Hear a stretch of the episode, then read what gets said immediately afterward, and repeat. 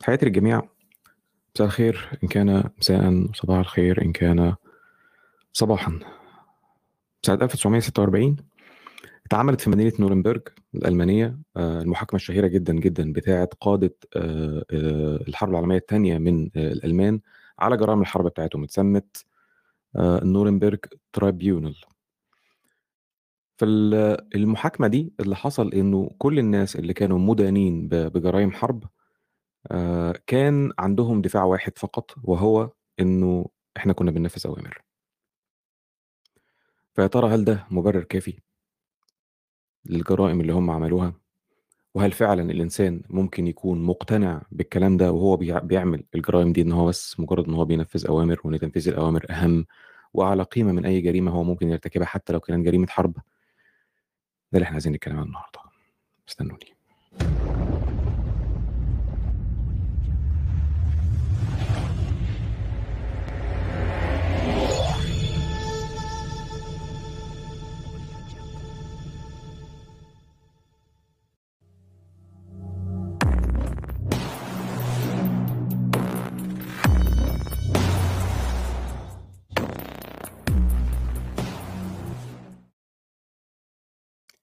تحياتي للجميع مرة تانية.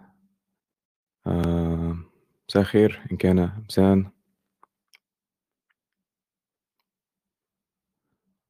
وصباح الخير إن كان آه، صباحا. ما زلنا بنتكلم في مبحث ال- الأخلاق والسلوك وبنشوف إزاي آه، أو إيه رأي العلوم المختلفة في تفسير ال- السلوكيات؟ وما زلنا شغالين من الكتابين آه، اللي إحنا كنا اتكلمنا عليهم أو الثلاث كتب اتكلمنا عليهم كتاب بتاع روجر موزلي آه، بتاع natural history والكتاب بتاع مارك هاوزر اللي هو بتاع Moral Minds الكتابين دول هم أكبر تجميعة لأوراق بحثية علمية في مبحث ال- الأخلاق على الإطلاق في كل المجالات العلمية تقريبا. يعني كل اللي أنا بعمله هو تلخيص لل- للكتابين دول مع بعض الاقتباسات آه، آه، من آه، كتاب بتاع مايكل شيرمر بتاع The Moral Arc عشان في شوية statistics كده مهمه وبتاع يعني. النهارده هنتكلم عن رأي علم النفس فيما يخص مبحث الأخلاق والسلوك. منطقي طبعا هو اسمه علم النفس السلوكي والاجتماعي. بس إحنا آه، مش هنتكلم عن علم النفس في العموم يعني. نقعد نتكلم الحاجات اللي هي الناس درستها يعني في في في المدرسة أو في الجامعة أو كده يعني. إحنا عايزين بس نركز على علم النفس من باب تنشئة الأطفال. عشان هي دي الحتة اللي هتجاوب على السؤال المهم بتاع ال- الطبيعة ولا التنشئة. كالعادة باختصار إحنا هنتكلم عن مفاهيم عامة ومفاهيم بسيطة ونمشي في الدراسات واحدة واحدة واحدة واحدة لغاية ما نوصل للتأصيل بتاع الفكرة الأساسية من اللي إحنا بن- بنحاول نعمله في ال- في السلسلة دي اللي هي تأصيل فكرة التعاون والمشاركة والايثار هل علم النفس وخصوصا تنشئة الأطفال رأيي في الموضوع ده؟ زي زي بالظبط اللي إحنا عملناه في الحلقتين اللي فاتوا. نفس الكلام اللي اتكلمناه في علم الأعصاب ونفس الكلام اللي اتكلمناه في ال في ال في ال game theory بنبدا نتكلم عن شوية مفاهيم وبعد كده بنوصل لراي العلم في الحاجة اللي إحنا بنأصل ليها في الحاجة اللي إحنا بنحاول نثبتها اللي هي فكرة النفعية الأخلاقية وفكرة إن في آه، آه، مبررات وتفسيرات علمية للمشاركة والايثار والتعاطف. والشيء كويس إن علم النفس ده تحس إن هو إيه يعني مشاع كده يعني منتهك عرضه. أي حد معدي في الشارع هتلاقيه بيتكلم في علم النفس. اشمعنى أنا بقى؟ جت عليا. فتحس إن كل الناس خبراء يعني في موضوع علم النفس ده. بس المهم على الأقل إن إن فعلا ناس كتير ربما يكون عندها فكره لأنه على الأقل كان بيدرس في المدارس للناس اللي هي كانت أدبي يعني. آه طيب خلينا آه نبدأ كده. خلينا أشير معاكم آه ال slides.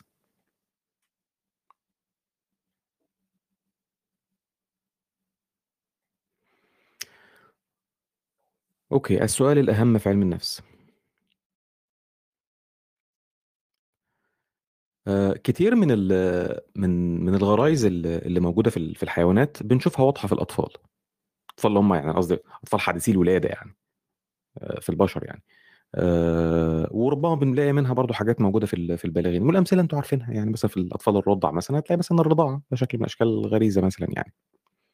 وتفسير ده بسيط عن طريق التطور. تشابه ال- آه، الجيني لكن برضو إيه علاقة إيه علاقة الجينات بالسلوك؟ يعني إذا كان في حاجات غريزية وموجودة في الأطفال وإحنا بنتكلم على التنشئة بتاعة الأطفال لو بنتكلم على الأطفال بشكل عام يعني وموضوع أبحاث الأخلاق وكده، إيه دخل الجينات بالسلوك؟ ده اللي إحنا بنحاول نجاوب عليه، وإحنا كنا فعلًا سألنا ال السؤال ده في الحلقة بتاعة علم الأعصاب، وفعلًا بدأنا نجاوب عليه لمّا اتكلمنا عن ال الجينات المسؤولة عن تشكيل الدماغ والشبكة العصبية، والجينات المسؤولة عن ال ال الهرمونات المؤثرة زي الأوكسيتوسين والدوبامين وغيرها، وت وتأثير الجينات في موضوع المستقبلات بتاعة ال الهرمونات ديّة، و ولسه كمان في ال في الحلقة الجاية بتاعة التطور وسلوك الحيوان هنتكلم عن ده كمان برضه. السؤال بتاع ال ال الطبيعة وال والتنشئة هنا يمكن إن هو آآ يُصاغ كالتالي: هل السلوك الغريزي المُقاد كليًا بالجينات في مرحلة ال ال ال الطفولة دي، هو اللي بيشكِّل فيما بعد السلوك في مرحلة البلوغ؟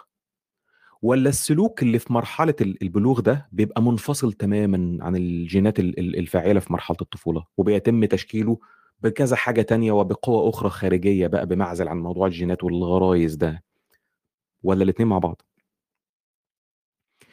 إدوارد ألكسندر ويسترمارك آآ الاسم ده مهم جدًا، جدًا، هنتكلم عنه شوية المرة دي، بس هنتكلم عنه أكتر ال المرات الجاية. ويسترمارك عالم آآ اجتماع فنلندي كان معظم دراساته آآ في موضوع الجواز، موضوع الزواج وسلوك الجواز، الإنسان في الزواج والحاجات ديّة، وبالذات الحتّة اللي بيحبها المؤمنين أوي، أوي، أوي، أوي، أوي، اللي هي فكرة ال زواج المحارم، الincest taboo ممكن عامل كتاب أصلًا على موضوع تاريخ ال الincest يعني موضوع الزواج ما بين ال المحارم يعني، هيكون ليه مساحة كبيرة آآ في الكلام ال المرة الجاية يعني. ويسترمارك آآ اتكلم عن واحد اسمه ريتشارد أوين، ريتشارد أوين ده كان أحيائي بيولوجي معاصر لداروين، في نفس الوقت اللي كان فيه داروين، وكان معارض جدًا آآ لداروين. أوين آآ كان بيقول إن شخصية الفرد تصنع له ولا يصنعها هو. شخصيتك دي مش أنت اللي هتحددها، حاجات تانية هي اللي هتحددها، الناس والبيئة والمحيط والأكل والشرب وخلافه يعني، وده في إشارة واضحة لدور ال ال التنشئة، الدور الرئيسي بتاع ال ال التنشئة في بناء الشخصية والسلوك، مش الجينات والغرايز والحاجات ديّة. كانت وهيوم كان ليهم رأي برضه إن الأخلاق ليها جذور غريزية، لكن كل الكلام ده يعني كان أقرب للتكهنات منه إلى الحقائق ال المثبتة، عشان موضوع علم النفس أصلًا كله على بعضه كده يعني بنوعيه يعني psychology وpsychiatry ظهر إمتى يعني؟ هو ما ظهرش إلا في أواخر القرن ال19 يعني، وكان بشكل ضبابي جدًا، جدًا، وبدأت تتضح ال ال ال المعالم بتاعته في أوائل القرن العشرين. في في في الفترة دي هتلاقي علماء نفس يعني زي زي مثلًا السويسري آآ جان بياجيه والأمريكي لورانس كولبرج، الاتنين دول الاسمين دول مهمين جدًا وهنتكلم عنهم كتير يعني. آآ والاتنين دول وعن طريق دراسات كتيرة جدًا أوضحوا إن الأطفال مش مجرد ناس عاديين، بس هم سُذج وجهلة. فبالتالي سلوكهم ساذج زي ما إحنا بنشوف، لكن لكن الحقيقة إن الأطفال دول عندهم آليات مختلفة تمامًا لفهم العالم، وآليات مختلفة للأحكام الأخلاقية والسلوكية. يعني الطفل مش هو عبارة عن إنسان عادي، بس هو عبيط وأهبل وساذج ومش متعلم ومش فاهم أي حاجة في أي حتة، فبيتصرف زي ما أنت فاهم كده أو زي ما أنت شايف كده، لأ. الطفل عنده آليات مختلفة عننا في فهم العالم، وآليات مختلفة عننا في إطلاق الأحكام الأخلاقية. أوكي؟ دلوقتي الدراسات الحديثة أظهرت إن حتى السؤال بتاع الطبيعة والتنشئة ما هواش دقيق. الدراسات أثبتت إن في لاعبين جُدد بيظهروا في في المشهد، زي مثلًا حاجة زي الepigenetics. أنا كنت ناوي بصراحة إن أنا أتكلم وأشرح آآ يعني علميًا الحتة بتاعة الepigenetics، بس عندي مشكلتين، المشكلة الأولانية إن إحنا م أنا مش عايز تبقى حصة علوم بقى زي ما حصل قبل كده في في علم الأعصاب، ناس برضه علّقت على على الموضوع. الحاجة التانية بصراحة إن الموضوع كله عبارة عن كيميا وبايوكيميا، وأنا ب جهلان تمامًا في ال في الكيميا والبايوكيميا، فالموضوع مرهق جدًا ومُتعب جدًا يعني، فأنا أنا لو أنا مش فاهمها صح بنسبة كويسة ومعقولة، مش هاعرف أشرحها لكم. فالجزء اللي أنا اللي أنا فهمته هو بسيط جدًا خالص وهاقوله لكم. الepigenetics اللي هي بالعربي أو ترجمتها علم ال التخلُّق، هم بيسموها علم التخلُّق تمام، لكن هي الترجمة الصح بتاعتها علم ما فوق الجينات. epigenetic يعني فوق الجينات. ربنا يسامحنا بقى على ال الترجمة دي، مش أنا والله يا جماعة ال اللي باترجم يعني. الفكرة إنه ال الepigenetics بتقول إيه، فكرتها إيه؟ فكرتها إن إن إن بعض السلوك الجيني بيتغيّر أو بيظهر نتيجة عوامل بيئية خارجية. يعني ال ال الفكرة آآ القديمة بتاعه إنه السمات الموروثة من الجينات بتبقى حتمية دي فكرة مش دقيقة دلوقتي مثلا مثلا يعني أنت عندك جين مسؤول عن صفة ظاهرية أو وظيفة معينة عندك. أي صفة ظاهرية أو أي وظيفة عندك. مش معنى إن عندك الجين بتاع الصفة دي أو بتاع ال ال الوظيفة دي ده معناها إن تظهر عليك الصفة دي أو تحصل عندك الوظيفة دي. مش بالضرورة مش ضروري لأ. ممكن تظل كامنة مختفية حتى يأتي مؤثر خارجي ما يخلي الجين ده يشتغل يعمل activation للجين ده. فتظهر الصفة أو الوظيفة دي. ليه مش بنشوف آآ آآ مثلا التوائم المتشابهة؟ التوائم المتشابهة عندها DNA identical بالظبط نفس ال DNA هنا هو هو اللي هنا. ومع ذلك ومع تقدم السن بتاع التوأم المتشابه ده بتظهر اختلافات كبيرة. مش بس في السلوك بتظهر اختلافات في الشكل تظهر اختلافات في وظائف الأعضاء. ممكن مثلا واحد يجي له مرض ما ويكون وراثي ويكون جيني وما يجيش للتاني. الإجابة في الطريقة اللي بتشتغل بيها الجينات دي واللي بتستجيب بيها للمؤثرات والعوامل الخارجية من الأكل الشرب المحيط الخارجي تعامل الأهل التعرض لكيماويات معينة الأدوية اللي, بتاخدها الأم اللي هم بياخدوها وهكذا. أوكي؟ فال DNA بيبدا متماثل 100% هو بينتهي متماثل برضه لكن استمرارية عمله وتشكيله للخلايا والوظائف بتتغير وبتتأثر بالبيئة والعوامل اللي قلنا عليها دي. فالنتيجة تقوم مختلفة. تنتج في الآخر نتيجة مختلفة يعني. فهي مش معادلة حتمية إنما معادلة ليها متغيرات. دي فكرة ال epigenetics. أوكي؟ آه علماء الأعصاب سايرا سونج من جامعة كامبريدج و جوزيف جليسون من من جامعة كاليفورنيا عملوا دراسة ومنشورة في حتت كتير. وصفت ظاهرة اسمها ال somatic mosaicism. somatic mosaicism أو الفسيفساء الجسدية.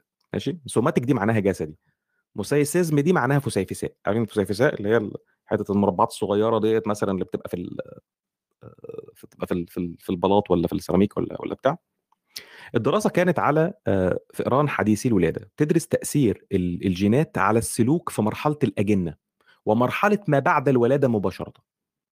شوف سلوك الفئران ديت من أول ما يتولدوا ومن قبلها حتى كمان وهم في في الجنين بتشوف تأثير الجينات على على السلوك ده.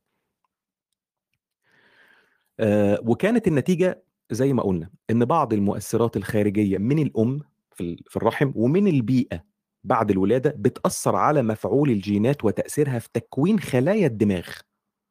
خلايا الدماغ نفسها تبقى مختلفة. يعني يبقى نفس التوأم توأم متشابه الاثنين ايدنتيكال ومع ذلك بعد الولادة تلاقي إنه التشريح الدماغي بتاع واحد غير الثاني أو مع تقدم في السن شوية. لأن لأن الدماغ بيفضل ينمو زي ما إحنا قلنا. تمام؟ تلاقي التشريح بتاع الدماغ بتاع واحد مختلف عن الثاني طبعا الفسيفساء الجسدية دي دي بتأثر على الخلايا عموما مش مش بس يعني على على الدماغ بس دي على كل الخلايا بشكل عام يعني. فبتعمل اختلافات في في نفس العضو. عشان عشان كده بيسموها فسيفساء يعني انت بتلاقي نسيج الخلايا كله لو لو نسيج الخلايا كله كان عبارة عن مربعات كده مثلا كل خلايا عبارة عن عن مربع فبتلاقي في من ضمن النسيج بتاع الخلايا اللي موجودة في عضو ما كده في شوية خلايا متحورة.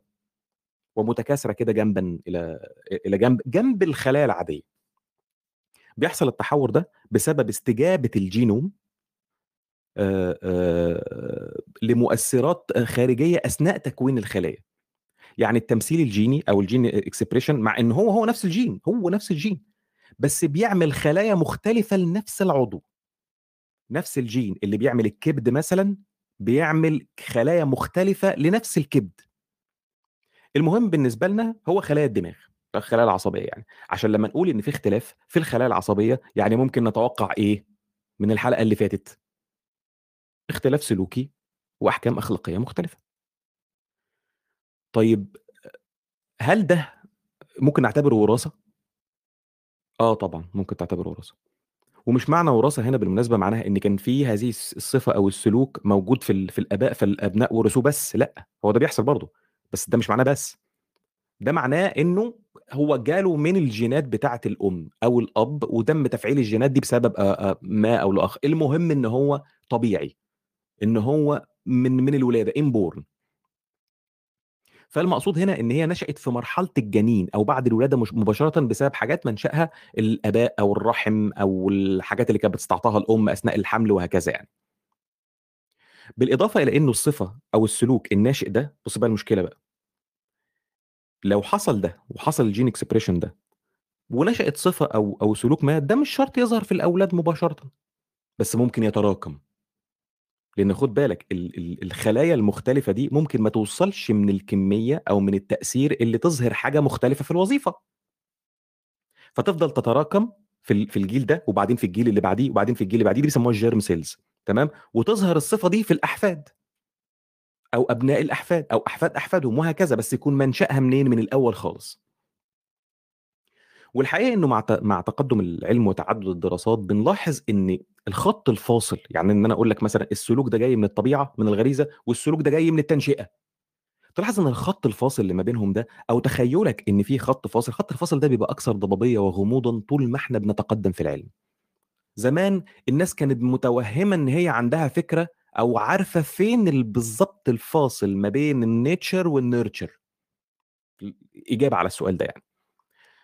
ما بقاش الموضوع بالسهولة وبالبساطة والسطحية اللي ممكن فعلًا حد يتخيّل إنه يقدر إن هو يحدد الفرق ما بين ده وما بين ده. المحيط، الخبرة البشرية، آآ يعني آآ آآ آآ الحاجات دي كلّها بتحصل فيها تداخل رهيب زي ما إحنا هنشوف دلوقتي يعني. ما كان يومًا ما صفة سببها التنشئة، ممكن بعد عدة أجيال تبقى صفة طبيعية جينية. للمرّة الرابعة، تخيّل كده. سلوك ما أنت اكتسبته بسبب ظروف مرّيت بيها، والبيئة المحيطة، والأكل اللي كنت بتاكله أو أمك كانت بتاكله أو الأدوية اللي كانت بتاخدها، دي حاجة مكتسبة تمامًا.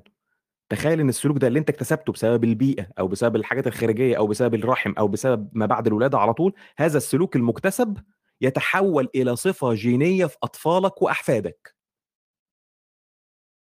الموضوع كبير وخطير. عشان بس نبقى واخدين بالنا يعني ما عليكم.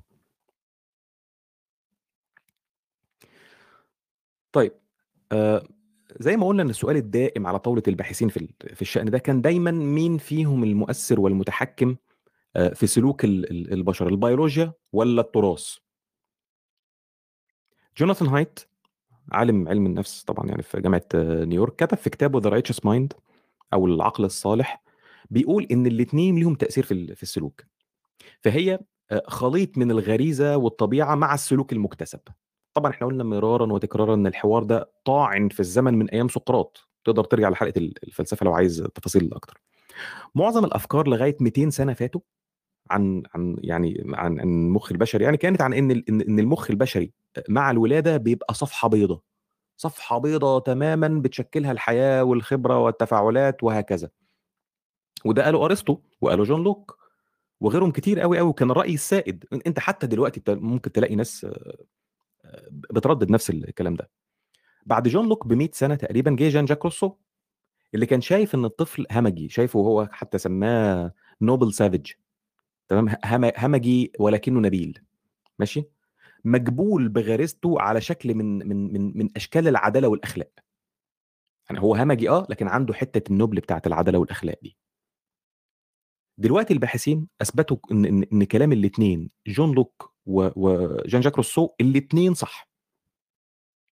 إن الأطفال فعلًا صفحة بيضا، ولكن حتى الصفحة البيضا دي قبل ما يتكتب فيها أي حاجة على الأقل ليها شوية صفات، يعني الصفحة البيضا دي على الأقل أنت عارف إن لونها أبيض، عارف إن أنت عارف الخامة اللي متكوّنة منها، المادة، آآ إيه نوع الحاجات اللي ممكن تتكتب فيها، مثلًا ليها طبيعة معيّنة، فهي آه صفحة بيضا لكن مش فراغ. تمام، فدي ده ده اللي إحنا برضه عمالين ب بنحاول آآ نتكلّم فيه وقُلنا طبعًا الكلام ده يعني في موضوع الجينات والهرمونات والتكوين العصبي ومش عارف إيه و، و، و، الكلام ده إحنا مش هنعيده تاني يعني. لكن مع ال ال ال القرن ال العشرين بقى في صورة أوضح ل ل ل آآ للطريقة اللي الطفل بيش بي بيشكِّل بيها أحلام أحكامه ال ال ال الأخلاقية وسلوكه مع تقدُّمه في السِن، وده عن طريق دراسات نفسية كتير يعني و ومُعقّدة قام بيها ال الاتنين اللي إحنا قُلنا عليهم اللي هم جون بياجيه ولورنس كولبرج. تشارلز داروين في كتابه أصل الإنسان، كان مُعتقد إن الصفات ال ال ال الشكلية ال الوظيفية بس هي اللي بيتم تناقلها و ووراثتها، ما كانش في جينات ساعتها، بس هو كان متخيل إن في في الوراثة الوراثة بس بتورث ليك صفاتك الشكلية والوظايف بتاعة ال بتاعة الأعضاء، إيه دي الحاجات بس اللي بيتم تناقلها من ال الأبناء لل من آسف من الآباء لل للأبناء، أمّا الصفات السلوكية فهي مُكتسبة عن طريق المجتمع عمومًا. فهو نسب الدور ال ال الأعظم في تشكيل ال السلوك والأحكام الأخلاقية للتنشئة. لكن في نفس الوقت هو، هو داروين كتب كتاب تاني اسمه التعبير عن المشاعر عند البشر والحيوانات The expression of emotions in man and animals. كان بيرصد فيه ردود أفعال ابنه هو ومجموعة تانية من الأطفال، اللي لفت نظره كان ابنه ومجموعة تانية من الأطفال. وقال فيه إن أطفال من ثقافات مختلفة ردود أفعالها، مشاعر معيّنة، قدر يوصل من خلال أدلة إن كل الأطفال دول بيعبّروا بنفس الطريقة في نفس المواقف. تقريبًا يعني إحنا قُلنا برضه إن في اختلافات جينية، بس تقريبًا الأطفال في نفس المواقف على اختلاف آآ ال ال ال المنطقة اللي جُم منها وعلى اختلاف أشكالهم وجنسياتهم وأجناسهم وأعراقهم وبتاع، في نفس السِن بيعبّروا تقريبًا بنفس الطريقة. لمّا مثلًا ال الممرضة مثلًا تضحك يقوموا ضاحكين مثلًا يعني، لمّا يشوفوا مثلًا مشهد وِحِش كلّهم بيزعلوا مثلًا، يعني حاجات بال بالمعنى ده يعني. فهو بدأ يعيد آآ حساباته ويقول إن لأ، يبدو إن الموضوع مش مجرّد تنشئة، يبدو إن الموضوع فيه حاجة تانية أعمق من موضوع التنشئة. هو بقى ما كانش يعرف القصة بتاعة الجينات ولا هرمونات ولا تركيب دماغ ولا أي حاجة من دي يعني.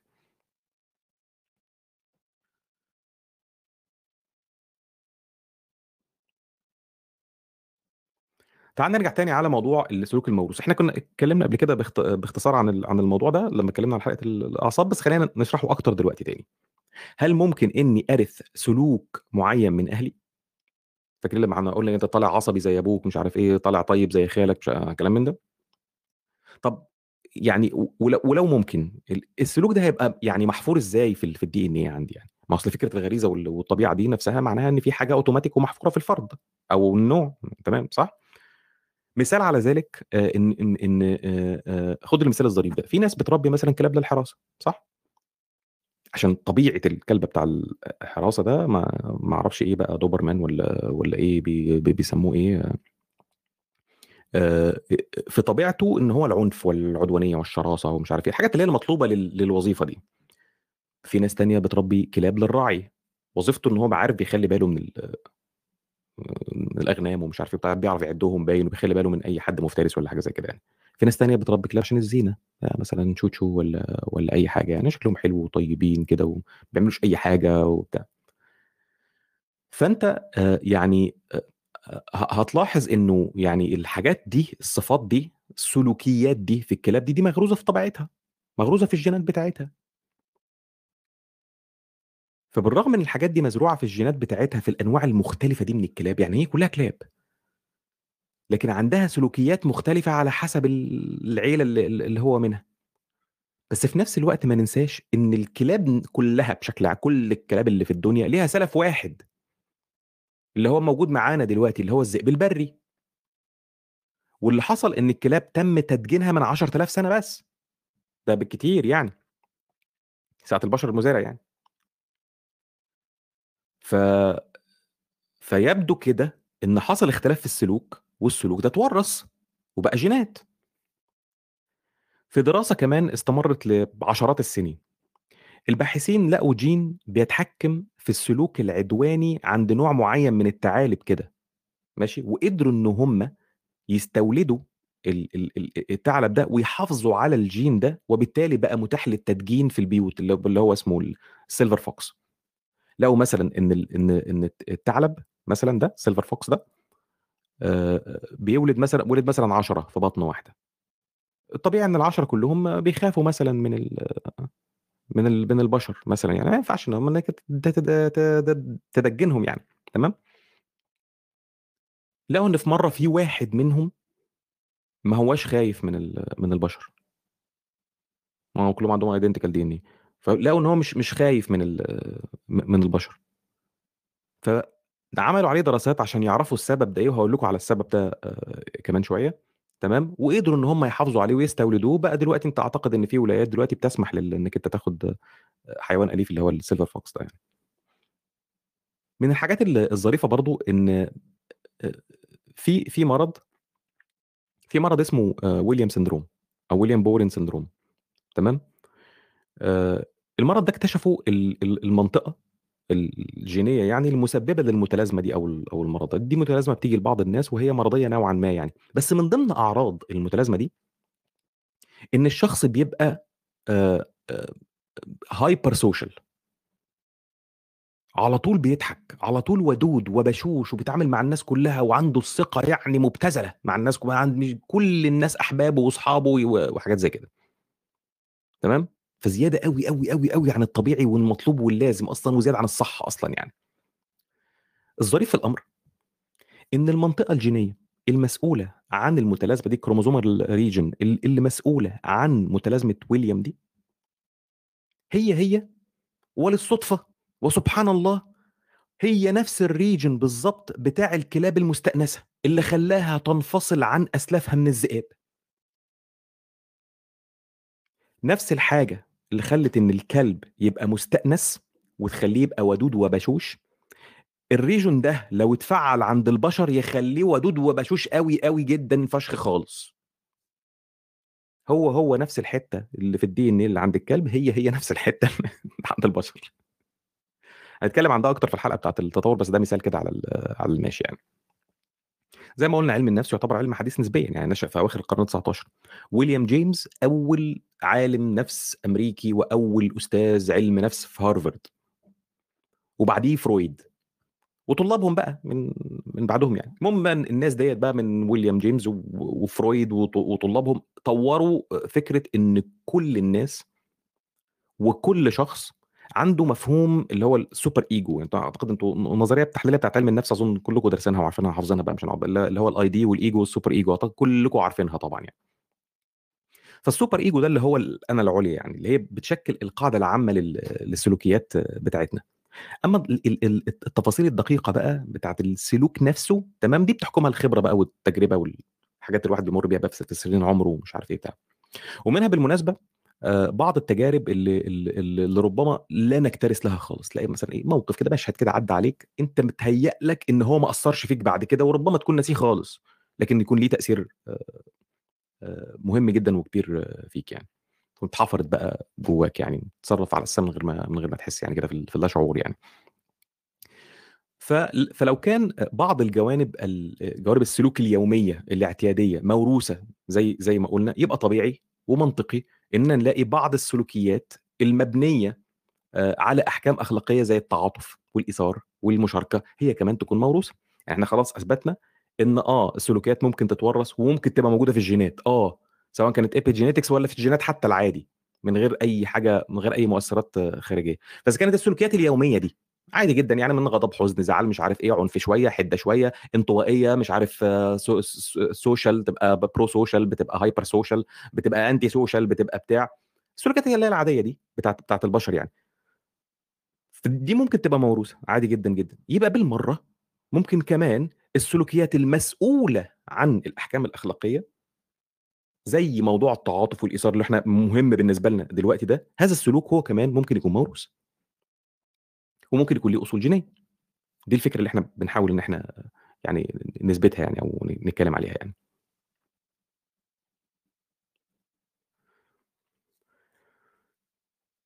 التوأم غير المتشابه أعتقد أنتم برضه يعني ناس كتير بالخبرة بقى وبالقراية أو بتاع عارفين القصة ديّة يعني. عندنا في توأم متشابه وتوأم غير متشابه صح؟ التوأم غير المتشابه أعتقد إن الاسم كده اسمه التوأم غير المتشابه يعني، اللي هو ال الfraternal أو الdizygotic twins اللي هو ده توأم في نفس الرحم بس طالعين من بيضتين. التوأم ده بيتشاركوا مع بعض في نُص الجينات. ماشي؟ منطقي. أمّا التوأم المتشابه اللي هو الidentical twins اللي هو الmonozygotic آآ twins وكما هو واضح من من الاسم يعني، ده بيتشارك في الDNA كلّه. لدرجة التطابق أحيانًا في بصمة الصباع. يعني ممكن تلاقي identical twin حتى بص identical twin حتى بصمة الصوابع بتاعتهم متطابقة. بس يعني بالمناسبة يعني هل ده بيحصل دايمًا؟ طب هل بيحصل دايمًا إن التوأم المتشابه ده بيطلعوا أصلًا شبه بعض؟ الإجابة لأ. ليه؟ عشان الفكرة اللي إحنا قُلناها فوق، إن ممكن يتم تفعيل بعض المناطق أو الجينات أو الchromosomal regions لأسباب خارجية في واحد منهم والتاني لأ.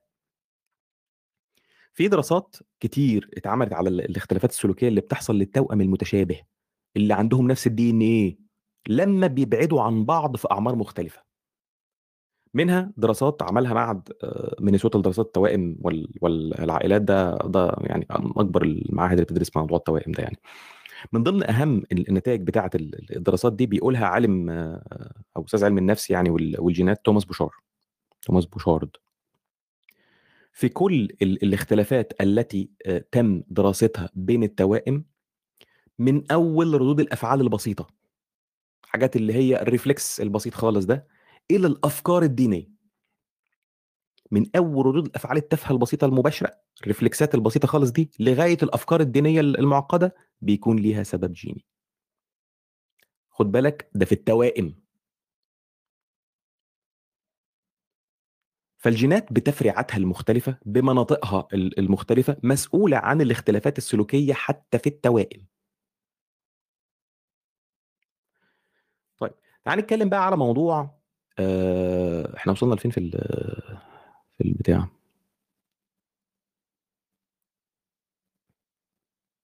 نتكلم على موضوع الشخصية والط وال والطباع temperament personality and temperament. أعتقد يعني أي أب آآ فينا عنده أكتر من من طفل يقدر بمنتهى ال البساطة إنه ي يبقى شاهد على اختلافات في الأبناء، ربما من أول يوم في في الولادة. مين متذمر أوي يعني، مين على طول هادي، مين على طول عصبي، مين على طول نايم، مين على طول صاحي، الحاجات اللي هي زي كده يعني. وده دليل كافي على دور الغريزة والطبيعة في تشكيل السلوكيات من اليوم الأول في الولادة. وبالتالي الجينات. جينات أو هرمونات زي ما اتكلمنا في علم الأعصاب بس في يعني حتى لو هرمونات ولا تركيبات ع عصبية أو وصلات عصبية أو أي حاجة من هذا القبيل، في الآخر هي جينات برضه. ما فيش شك إن آآ إن إن إن في عوامل خارجية أو حتى داخلية ممكن تحصل بعد كده تؤثر في السلوك ده. بس إحنا بنتكلم على الحالة العامة. الحالة العامة إن في اختلافات سلوكية بين الأطفال وسببها الجينات أو تأثيراتها الexpressions بتاعتها. الاختلاف الشخصي الطبيعي ده تاني لمّا أقول طبيعي يعني جينات. الاختلاف الشخصي الطبيعي ده بيأثّر في آليات تقبُّل الشخص واستعداده لقبول أفكار أخلاقية وتشكيل آلية عمل الأحكام الأخلاقية عنده بعد كده. دي الاختلافات العادية خالص. في عندنا في مصر في مثل بيقول الطبع يغلب التطبُّع تمام، أو مش عارف أعتقد إن هو مثل عربي يعني مش ع مش عندنا في في مصر بس يعني. ده صح أحيانًا. بس هو غلط في العموم عشان مش دقيق الكلام. الطبع ده اللي هو الtemperament ده هو حزمة من السلوكيات الغريزية والوراثية في الشخص وبتشكل الحالة العامة أو الstyle بتاع الشخص في التعامل والسلوك وال يومه العادي يعني. هذا لا شأن له بتطوّر ال الأحداث والتجارب بعد كده اللي بينشأ منها أهداف، آآ محفزات، أغراض، مثبطات، مش عارف إيه، كنتيجة للتجارب اللي الشخص بيمُر بيها. إحنا هنا بنتكلم عن حالة ضبط المصنع. الحالة أول ما يتولد العيّل. الحالة دي. ده اللي إحنا عايزين نتكلم عنه، ده لمّا نقول طبيعة يبقى إحنا بنقصد ده. في الخمسينات من القرن الماضي كانت كل النظريات السائدة في علم النفس إن التشكيل السلوكي للأطفال وبالتالي ال البالغين بتبقى بسبب تصرفات الآباء معاهم.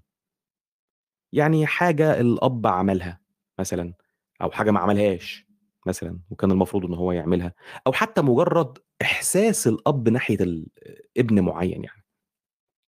الكلام ده لغاية الخمسينات. ولو تابعت حلقة علم علم الأعصاب افتكر معايا إن فترة الخمسينات دي برضه كانت فترة فارقة في علم الأعصاب. عشان دي ال ال الفترة اللي اكتشفنا فيها موضوع الneurochemicals وكيميا الدماغ والchlorpromazine والحاجات ديّة يعني. الطبيب النفسي آآ psychiatrist روبرت بلومن كان من أكتر علماء النفس شهرة في القرن العشرين وأكثرهم إنتاجًا للأبحاث العلمية، وتقريبًا أكتر واحد كتب في أبحاث التوائم. كان كتب آآ آآ آآ عن فترة كده في في في ال في القرن العشرين كان ال الفترة دي في القرن العش في القرن العشرين ده كان مجرد الحديث عن تأثير الجينات على السلوك البشري يعتبر جريمة.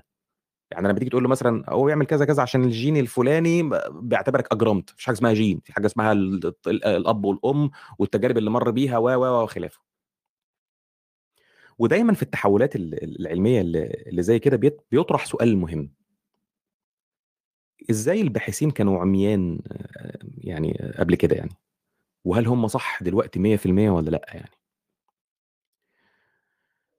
ال- الأمريكي ويليام كيري أستاذ طب الأطفال في في, هارفارد وبنسلفانيا هو تقريبا أشهر طبيب أطفال في, في أمريكا. وربما أكثرهم انتاجا للأبحاث العلمية وأكثرهم ظهورا في الإعلام. مات السنة اللي فاتت هو يعني. ده كان عامل كده زي ميتشو كاكو ونيل دي جراس تايسون بس في طب الأطفال. كيري هو اللي وضع آه، آه، أسس دراسة الطباع عند الأطفال. وهو اللي وضع المحددات التسعة بتاعة الط- الطباع الغريزية في الطفل. سماها temperamental traits اللي هي النشاط التناغم البيولوجي ردود الأفعال الأولية التكيف الحدة مش عارف إيه الحاجات اللي زي كده يعني. وطبعا هتلاقي تفريعات وتعديلات آه، طفيفة في ال- في البحث ده من وقت من وقت للتاني يعني. كل طفل بيظهر ال- ال- ال- الخصائص دي ويمكن رصدها ترصد كل واحدة على حدة. بس لما تيجي تتكلم عن طبع الطفل أو الطبائع بتاع الستايل بتاع الطفل بتتكلم عنها كلها كوحدة واحدة. فتقول مثلا إنه الطباع الطباعة الصعبة الطبع الصعب للطفل بيتمثل في تراجع في ردود الأفعال آه، صعوبة في آه، تكيف مع التغيير آه، حدة آه، مزاج عام سيء عدم انضباط كده يعني بيتكلموا كده كده التشكيلة دي كده كلها كده اسمها طباع سيئه هتلاقي في المصادر دراسة عاملها كيري وعامل قياسات رياضية للمحددات التسعة دول عشان كمان كان بيدرس الكلام ده في موضوع التوحد عند الأطفال. فيعني يقول لك مثلا إيه ال- المزاج هيديله رقم من من من من صفر لتسعة ده هيديله رقم من مش عارف من كام لكام وده من كام لكام وهكذا. يعني مع الأرقام ديت مجموعها كده بيطلع لك مثلا طباعة كويسة طباعة وحشة مش عارف إيه كده يعني. خلاصة أبحاث كيري آه، بتقول إنه الطباع اللي اتكلمنا عليها في الطفل حديث الولادة دي في الغالب بتبقى inborn يعني التسع محددات اللي إحنا بنتكلم عليهم دول في الغالب بيتولد بيهم. مولودة معاه محددة مسبقا. نصفها تقريبا وراثية. والنصف الثاني بيتشكل بعوامل نفسية أو طبيعية في البيئة. صفات ال- الشخصية المتعلقة بالأحكام الأخلاقية زي الإيثار والتعاطف متأثرة بالجينات إلى حد ما. هو الجملة بالظبط اللي قالها moderately affected by genetic influences. هو قالها دي كده الجملة بالظبط ال- ال- اللي موجودة في الدراسة يعني عشان يبقى في أمانة في النقل. moderately affected by genetic influences. يعني هي متأثرة آه بس مش متأثرة قوي يعني مش هي اللي مسيطرة على كل حاجة في الدنيا يعني. توماس بوشار في خلاصة أبحاثه عن آه، عن التوائم بيقول إن أي تشابه في الشخصية والطباع بين الأقارب سببها جيني في كل الحالات تقريبا. في كل الحالات تقريبا. أي تشابه في السلوك والطباع ما بينك وما بين ال- القرايب بتوعك بيبقى جينات. مهما كان إسهام ال- ال- الطبيعة والجينات في تشكيل شخصية ال- الطفل هو في الأول وفي الآخر هيتولد وهينشأ في بيئة وبيئة مختلفة عن غيره. حتى مهما تشابهت البيئات مع عمرها ما هتتطابق والتجارب الشخصيه مش هتتطابق. كل ما بنتقدم في في العلم والأبحاث الفروقات ما بين الاثنين فعلا تبدو أكثر غموضا. فعلا الحد الفاصل ما بين الطبيعة والتنشئة ما بقيناش عارفين نحط إيدينا عليه خلاص. كل اللي عارفينه إن آه الطبيعة والتنشئة الاثنين بيأثروا بس قد إيه طبيعة مع قد إيه تنشئة؟ وهل أصلا النسبة ديت ثابتة في كل واحد فينا ولا لأ؟ وعشان كمان آه، نأكد ال- ال- الفكرة دي لازم نتكلم تاني عن فكرة الإبيجينيتكس. معلش يعني هقولها تاني بس باختصار يعني. نتكلم على الجدل الدائر حول سؤال هل تعتبر الإبيجينيتكس دي دي تحت بند الطبيعة ولا التنشئة؟ ما هي جينات. ولكن لا تفعل إلا بعوامل خارجية آه، في البيئة. فهل تعتبر كده طبيعة طبيعية ولا بيئية؟ هل تعتبر nature ولا nurture؟ خلينا خلينا كمان شوية نرجع للموضوع تاني. في دراسات نفسية كتير بتثبت وجود ربط واضح ما بين ترتيب الولادة بتاع الأطفال وأدائهم في في المدرسة وحتى اختيار نوع ال- ال- الدراسة والتخصص في الجامعة. أستاذ علم النفس آه، في جامعة آه، إلينوي ريتشارد برادلي مثلا عمل آه، عمل آه، دراسة الدراسة بتقول التالي أدلة أدلة كتيرة بتثبت إن المولود الأول في كل جنس يعني أول بنت أو أول ولد بيدخل جامعة احتمالية دخوله الجامعة أكتر من المواليد التانية بعد كده، يعني رغبته خُد الكلام ده في أمريكا. يعني في أمريكا مش شرط إن كل الناس تخلّص ثانوية عامة وتقوم داخلة جامعة. يعني، فهو بيدرس بي بي بي بيبحث يعني يشوف يعني هل مين مين اللي مين اللي فرصه أكتر إن هو يدخل جامعة يعني أو بيحب أو يبقى راغب إن هو يدخل جامعة يعني، فقال لك المولود الأولاني في كل في كل جنس بيبقى عنده رغبة أكتر في دخول الجامعة وبيلتحق فعلًا ب ب ب ب بالجامعة أكتر من المواليد التانية، يعني ده اسمه ترتيب الولادة، الولد الأول، الولد التاني، الولد التالت. المولود الأول بيكون أكثر انضباطًا في الدراسة، أكثر استجابة للضغوط الاجتماعية، أكثر شغفًا وفضولًا. مهم هنا من باب الأمانة العلمية إننا نقول إن الدراسات دي إحصائية استرشادية heuristic وعمر الحاجات دي ما بتكون حتمية. أنا باعيد الكلام ده كتير بس برضه يعني إيه التكرار مفيد.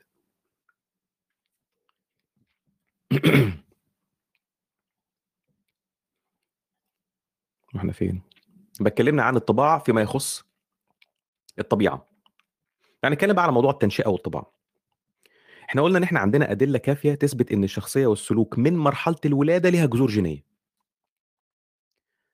والتر ميشيل أو فالتر ميشيل أستاذ علم النفس في جامعة كولومبيا بيقول إنه من الواضح جدًا إننا كائنات بيولوجية وتأثير الطبيعة في السلوك لا يقل عن تأثير النش النشأة.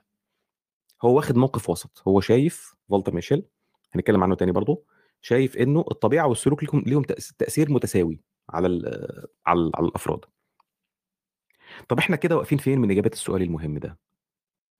أنت هنا ممكن تتبنى ممكن تتبنى نظرية ال النضوج بيسموها هي maturity theory. بمعنى إنك أنت تقول إنه السلوك وال والأحكام الأخلاقية منشأها جيني بس بتتشكل وتوضح أكتر مع النمو مع السن زي ما الجسم بالضبط، يعني مثلًا إيه، يعني أنت ش شكل إيدي كده إزاي؟ شكل إيدي كده من الجينات صح؟ بس أنا يعني من من 40 سنة إيدي ما كانش شكلها كده، كانت أصغر كده ومنمنمة ومش عارف إيه وبتاع إيدين الأطفال، طب ما برضه في ال في الشكل ده هي كانت جينات برضه، والّا قبل كده والّا دلوقتي جينات وقبل كده ما كانتش جينات؟ فآه ال ال ال الشكل والوظيفة واللون والمش عارف إيه وبتاع والحاجات دي دي كلها أصلها كان جيني وبتتغير. تمام؟ فدي دي اللي هي الم maturity آآ theory إن حتى السلوك نفسه لو أنت كان سلوكك و وبعدين اتغير بقى حاجة تانية، نفس برضه ما كان جسمك حاجة واتغير بقى جسمك حاجة تانية. دي اللي هي خلاصة الmaturity theory يعني. في المقابل بقى عشان نعطي التنشئة حقها بقى. جون واتسون عالم النفس الأمريكي الشهير جدًا في القرن ال19 وأوائل القرن ال ال20 والمسمى بأبو السلوكيات، وصاحب نظرية الbehaviorism وصاحب المقولة الشهيرة جدًا اللي كلنا حافظينها. ادّي لي شوية عيال صغيرة رُضع أصحاء ذوي تكوين جيد وادّيني عالمي الخاص لتربيتهم وسأضمن أن آخذ أي شخص بشكل عشوائي وأدربه ليكون أي نوع من المتخصصين الذين أختارهم.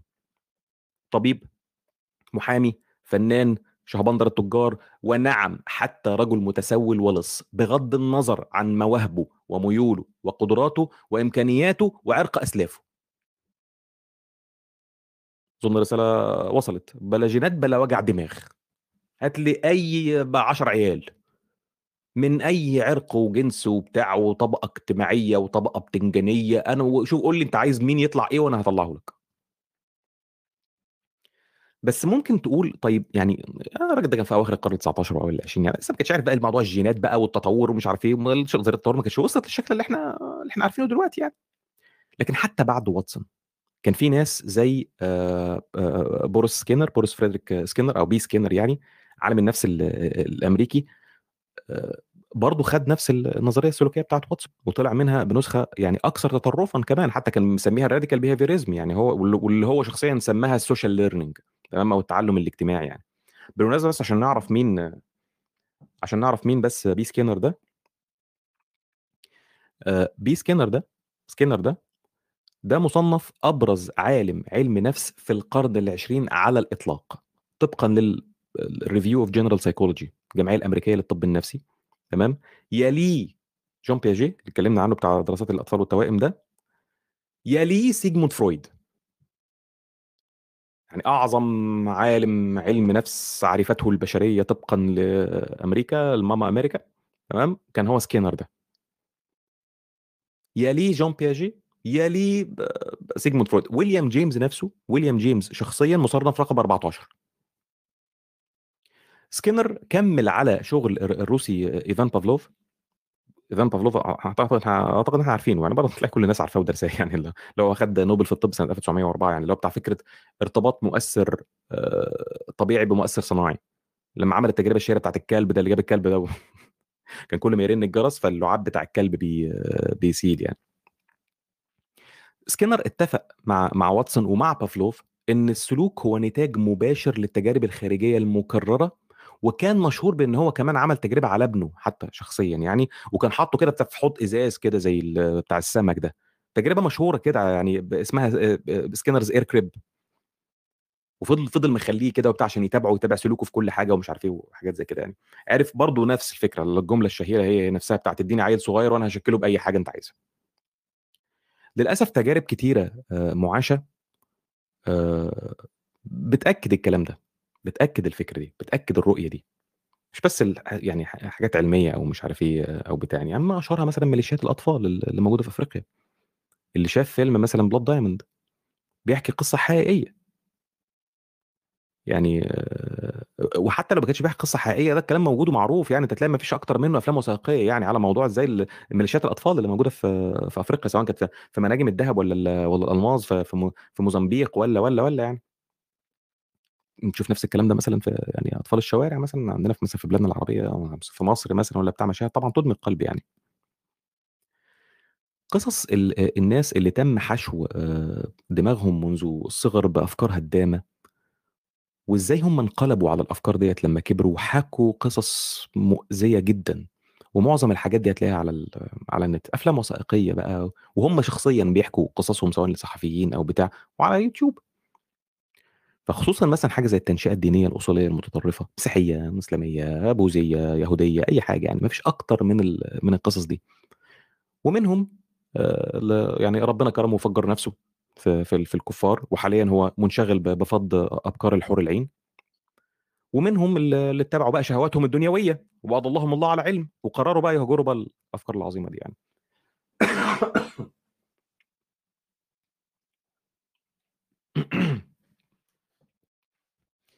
دراسة ال ال الفروق الحقيقية بين الطبيعة والتنشئة صعب جدا. وذلك ربما إنه الحقل ده من الدراسات يعتبر مش بس يعني يعني حديث نسبيا آه لكن كمان في قيود أخلاقية في في الدراسات هنتكلم عنها برضو كمان شوية يعني. الأطفال بيتأثروا كتير جدا بال... بال... باللي بيعمله الآباء والأقران الأطفال التانيين يعني. وممكن ده يستمر حتى الموت.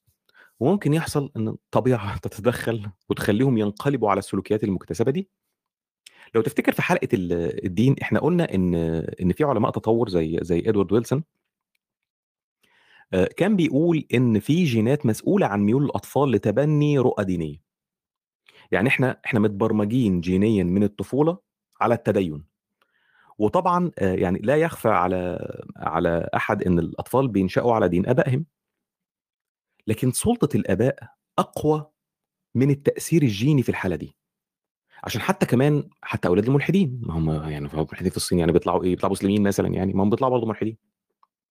تأثير الآباء مش بس في الأفكار ده كمان في حياة الطفل بشكل عام. دراسات عن عن الأطفال اللي بينشأوا وحيدين بدون أب وأم منذ الطفولة بتبقى للأسف معدلات الوفيات فيهم أعلى من الأطفال العاديين. حتى الأطفال اللي في الملاجئ وبيتم الاعتناء بيهم عناية كاملة. برضه للأسف الإحصائيات احصائيا معدلات الوفيات فيهم بتبقى أكتر يعني سن أصغر من ال... من الناس الثانية يعني. حتى وظائف وتشريح الدماغ بتاع الأطفال دول مش بيبقى زي تشريح دماغ الأطفال العاديين. وإحنا قلنا في حلقة علم الأعصاب إن كتير من أجزاء الدماغ بتستمر في النمو لغاية سن 20 وبعد سن 20 كمان. الأطفال دول للأسف اللي هم بينفصلوا عن الأب والأم في سن مبكرة جدا جدا كثافة المادة الرمادية عندهم اللي كثافة الخلايا العصبية عندهم والمادة البيضاء عندهم بتبقى أقل من الأطفال العاديين. يبقى لغاية دلوقتي إحنا شفنا إنه ال... الطبيعة والغريزة والجينات والوراثة ليها تأثير في السلوك وال والأحكام ال الأخلاقية لا يمكن إغفاله، وشُفنا إن التنشئة من حيث التربية ومن حيث التأثير على الطبيعة نفسها زي الدماغ والepigenetics ومش عارف إيه والأفكار والكلام ده واضح جدًا برضه. ومن زمن طويل ما حدش كان مختلف على دور الاتنين، إن هو الطبيعة والتنشئة في موضوع السلوك والأحكام الأخلاقية، لكن إحنا بقى عايزين نعرف أو نحاول نعرف النسبة قد إيه. نسبة كل واحد فيهم قد إيه. قد إيه طبيعة بكام كام كيلو طبيعة مع كام كيلو تنشئة.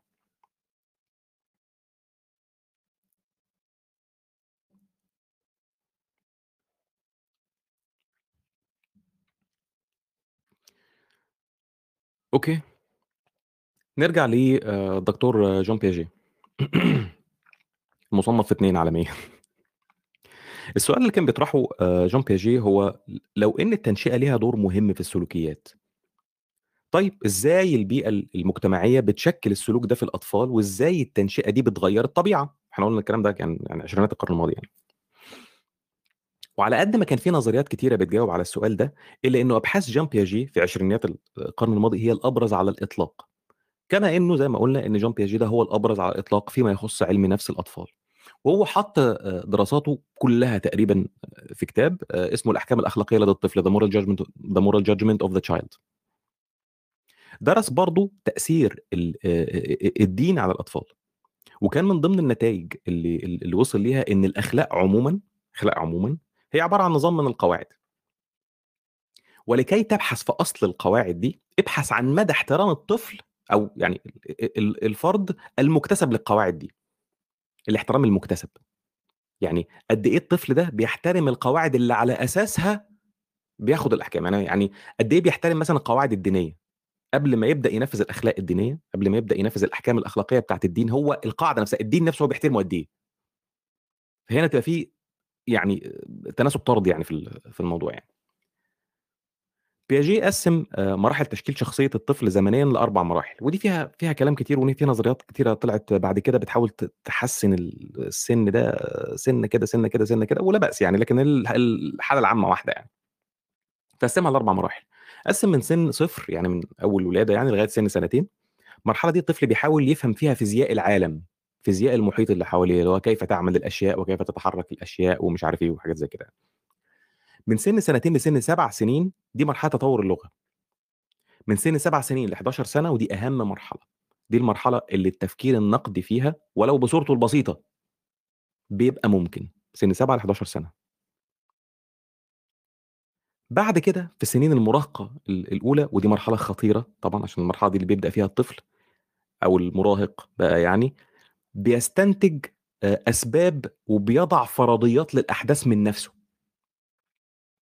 ما فيش تلقين، يعني من فترة ال11 سنة خلاص ما فيش تلقين في الفترة دي. بيبدأ هو بقى يدخّل بقى حساباته الشخصية بقى يعني. بياجيه آآ بيقول إن مرحلة تحديد الخير والشر والخطأ والصواب عند الطفل هي المرحلة السنية من 5 ل9 سنين. يعني من 5 ل9 سنين بيبدأ بقى هو يحدد ده صح وغلط، ده خير وشر، ده صواب وخطأ، كده يعني. يسمع كلام أهله، يسمع كلام المدرسين، يسمع كلام الإله مثلًا، دي المرحلة اللي الطفل بيستوعب فيها فكرة عواقب فعل الصواب وعواقب فعل الخطأ. المرحلة دي و وبعدها بقى سنين ال المراهقة الأولى، الطفل بيبدأ يمارس ما تعلّم من الصواب والخطأ بشكل آلي، حتى بدون عقاب أو صواب. مش لازم يكون في حتى سُلطة م من فوق. بيبقى خلاص عارف ده ده صح وده غلط، وأوتوماتيكلي بيعمل الصح وبيتجنب الغلط في أحيان كتير طبعًا يعني، لكن مش في كل الأحيان يعني. آآ لو عرفت من بياجيه إنه بيقول إن الطفل دايمًا بتبقى قراراته متمحورة حوالين ذاته egocentric ممكن ما تستغربش يعني طبيعي ما تح بتشوف في أنانية في الأطفال يعني ده ده عادي يعني. بس لو عرفت التفاصيل ممكن تستغرب أكتر، تستغرب جدًا، جدًا إيه سبب ده. أنا هاوفّر عليك كل التفاصيل وال والتحليلات من من وجهة نظر الأطفال، بس هاقول لك على تجربة كده غريبة يمكن كل دكاترة النفس عارفينها. بياجيه كان بيجيب طفل من سِن سنتين ل7 سنين. يورّي كل طفل كأسين من الحليب، كوبين كده من الحليب، ماشي؟ الاتنين نفس الحجم بالضبط، نفس المقاس بالضبط، كمية اللبن جواهم بالضبط هي، هي. ويسأل الطفل يقول له: "أنت إيه رأيك مين مين مين من الكأسين دُولَة فيهم حليب أكتر من التاني؟" الطفل يقول له: "الاتنين قد بعض بالضبط." هو عم بيلِف حواليه بقى شايف إن الكوبايتين قد بعض، نفس البتاع، نفس كل حاجة. يقوم عامل إيه بقى بياجيه؟ يقوم واخد كوباية منهم قدّام الولد، ويقوم مفضّي الكوباية في كوباية تانية أرفع بس أطول. فإيه اللي هيحصل؟ ما كلنا كبار وعارفين بقى يعني. هتلاقي إنه يعني كمية اللبن واحدة، بس مستوى الحليب في الكوباية الأرفع أطول من مستوى الحليب في الكوباية الأولانية. فكل المشهد ده بيحصل قدّامه، يرجع يسأله نفس السؤال تاني. أنت في رأيك آآ أنهي كوباية فيها لبن أكتر؟ فيقوم مشاور على الجديدة، مع إنه لسه هو، هو قدّام قدّام عينه شايف إن الاتنين قد بعض.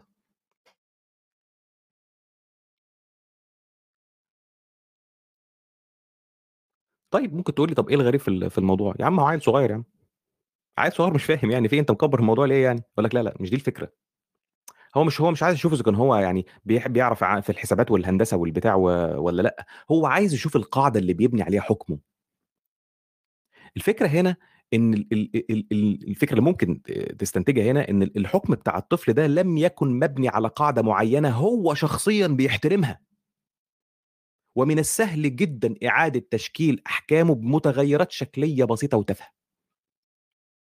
هو لو حكمه الأولاني كان مبني على قاعدة هو بيحترمها، لمّا قُلنا احترام القاعدة اللي مبني عليها النظام؟ الأخلاق نظام من القواعد، لو أنت محترم القواعد هتحترم النظام نفسه. هو ما كانش عنده قاعدة، أو القاعدة بتاعته اللي بنى عليها حكمه هو ما كانش محترمها. يعني المفروض إن خلاص اللي تبقى القاعدة أنا شُفت إن الاتنين قد بعض مهما عملت والّا اتشقلبت الاتنين هيفضلوا قد بعض قدّامي. فبالتالي بقى سهل إنك أنت تشكِّل دماغ الطفل، تعيد رؤيته للأمور بحاجات تافهة جدًا.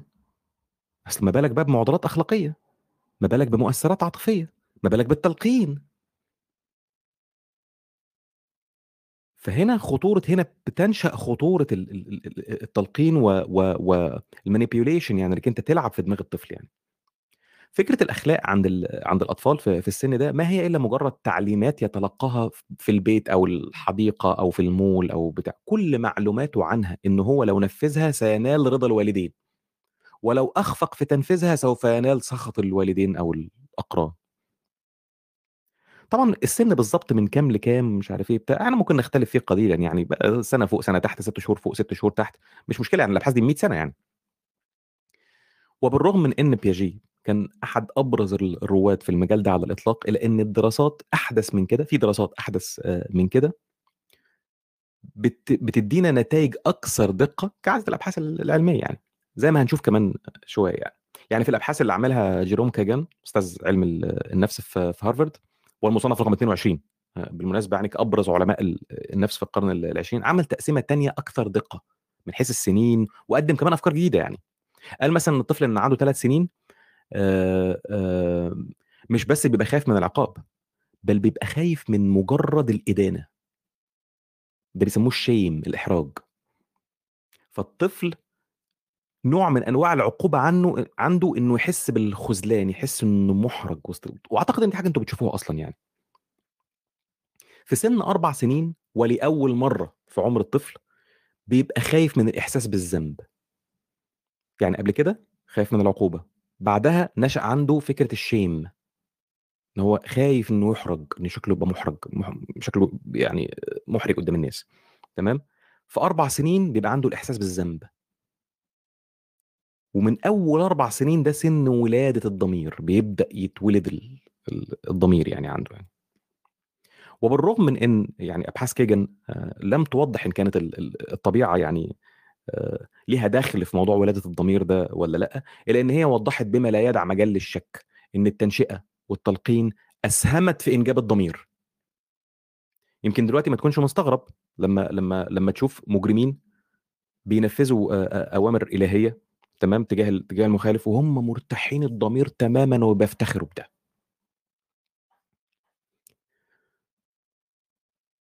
أوكي. هو أنا الslide طول الوقت غلط؟ مش نبهوني طيب يا جماعة.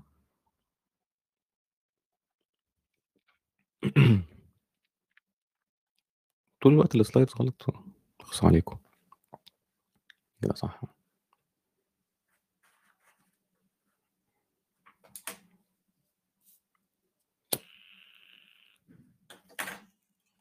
oops oops oops oops. Just a second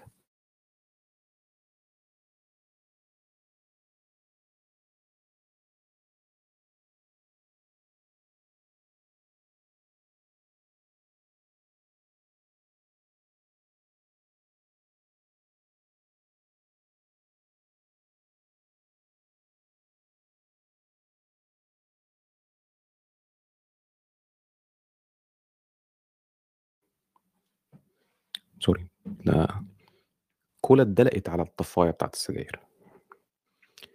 الحمد لله. الحمد لله على كل حال. نستأنف.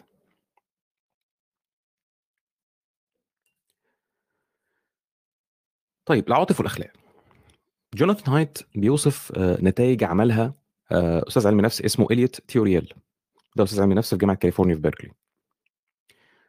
جوناثان هايت بيوصف نتيجة خلاصة ال- ال- الأبحاث ديت إنه يقول إنه ال- ال- الأطفال بغريزتهم بيقدروا يفرقوا بين أولويات القواعد الأخلاقية وفروق الأهمية بينهم. يعني إيه؟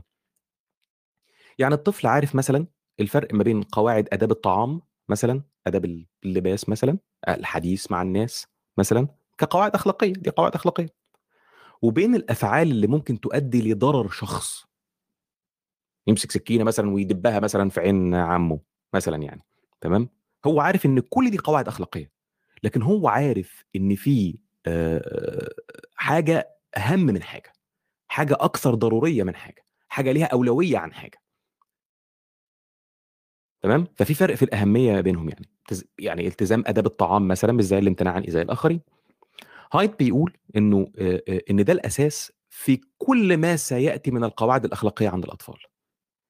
قال إنه ده كلام هايت الأخلاقيات المتعلقة بالعدل والسعادة أكبر قدرا من بقية القواعد الأخلاقية التالية لها في الأولوية. عند الأطفال الأولوية عندهم والأهمية عندهم هي أي قواعد أخلاقية أحكام أخلاقية متعلقة بالعدل والسعادة. غريبة حكاية عدل دي عدل. هو طفل يعرف حاجة اسمها عدل. طب سعادة ماشي لكن يعرف عدل منين؟ لا يعرف عدل. وأنا هثبت لك دلوقتي. جوناثان هايت في في في دراساته بيأكد على دور العاطفة المهمة في تشكيل الأحكام الأخلاقية. لو تذكروا إحنا اتكلمنا عن ده كتير في حلقة علم الأعصاب كنا دماغ العاطفي ومش عارف إيه وشفنا إزاي في إحدى تفريعات معضلة القطار نفس الناس اللي كانوا نافعين وقالوا آه نقتل واحد بدل ما نقتل خمسة هم نفسهم امتنعوا عن ده لما كان الاختيار إن هم يرموا الراجل من فوق الكوبري بسبب هيمنة الدماغ العاطفي على الدماغ المنطقي في في الحالة دي. في احدى الدراسات العجيبة شوية جوناثان هايت كان بيوري الناس مشهد لواحد كان بيوري الناس مشهد لواحد آه، ماشي بالكلب بتاعه والكلب بتاعه خبطته عربية مات. وبعد ما الكلب مات راح الراجل بدأ في إنه ياكل الكلب ال- بتاعه ال- ال- اللي مات. طبعا يعني مشهد ده مقرف طبعا وبتاع والناس كلها تقززت طبعا من من المشهد ده. لكن كل الناس اللي استنكروا المشهد ده لما سألهم أنتوا شايفين ده غلط ليه؟ أنتوا شايفين ده غلط؟ آه غلط طبعا إيه القرف ده؟ يع وبتاع ومش عارف إيه وبتاع وكلام من ده يعني كويس ده غلط ليه بقى؟ ليه غلط؟ كل الناس قالوا ما نعرفش إحساسنا بيقول كده gut feeling إحساسنا بيقول إنه غلط أنا مش قادر أشرح لك هو ليه غلط بشكل مقنع ليك هايت بيقول إن إن إن إن السبب هو ما قاله آه، ديفيد هيوم إن إحنا نحن عبيد لمشاعرنا. المنطق هو عبد للشعور. ده اللي إحنا قلناه في حلقة الفلسفة لو, لو تفتكروا لما قلنا إن هيوم بيقول إن إن أنا ممكن أمنطق لك أي حاجة. أنا ممكن أمنطق لك فكرة إن العالم كله يتدمر ولا إن صباعي يوجعني. وت- وتاني ده مش معناه إن الناس ما عندهاش مشاعر. بالعكس تماما إحنا عندنا مشاعر غريزية والغريزة ممكن تخلينا نختلق أي منطق لتبرير مشاعرنا أو سلوكياتنا يعني. الحقيقة إن الكلام ده صح علميا وشفناه في حلقة علم الأعصاب لما اتكلمنا على موضوع اللوزة والأميجدالا والمش عارف إيه والحاجات دي ببساطة أنت مش محتاج تهرب من مشاعرك أو تحاول حتى إنك أنت تخلي مشاعرك الشخصية قانون موضوعي. لا محتاج تعمل ده ولا محتاج تعمل ده. وهنروح بعيد ليه؟ فاكرين التجربة بتاعة جوشوا جرين اللي كان جايب ناس متبنيين الفلسفة ال الن النفعية الأخلاقية؟ اللي لسه اتكلمنا عليها من شوية و وقال لهم تعملوا إيه؟ قالوا نقتل واحد بدل ما نقتل 5 ومش عارف وبتاع وكلام من ده يعني، تمام؟ آآ طبعًا هم قالوا يعني مثلًا إيه، هم ادّوا مبررات، يعني في الحالة الأولانية ادّوا مبررات، قال لك يا عم 5 أكتر من 1، 1 بس يموت ولا إنه 5 يموتوا.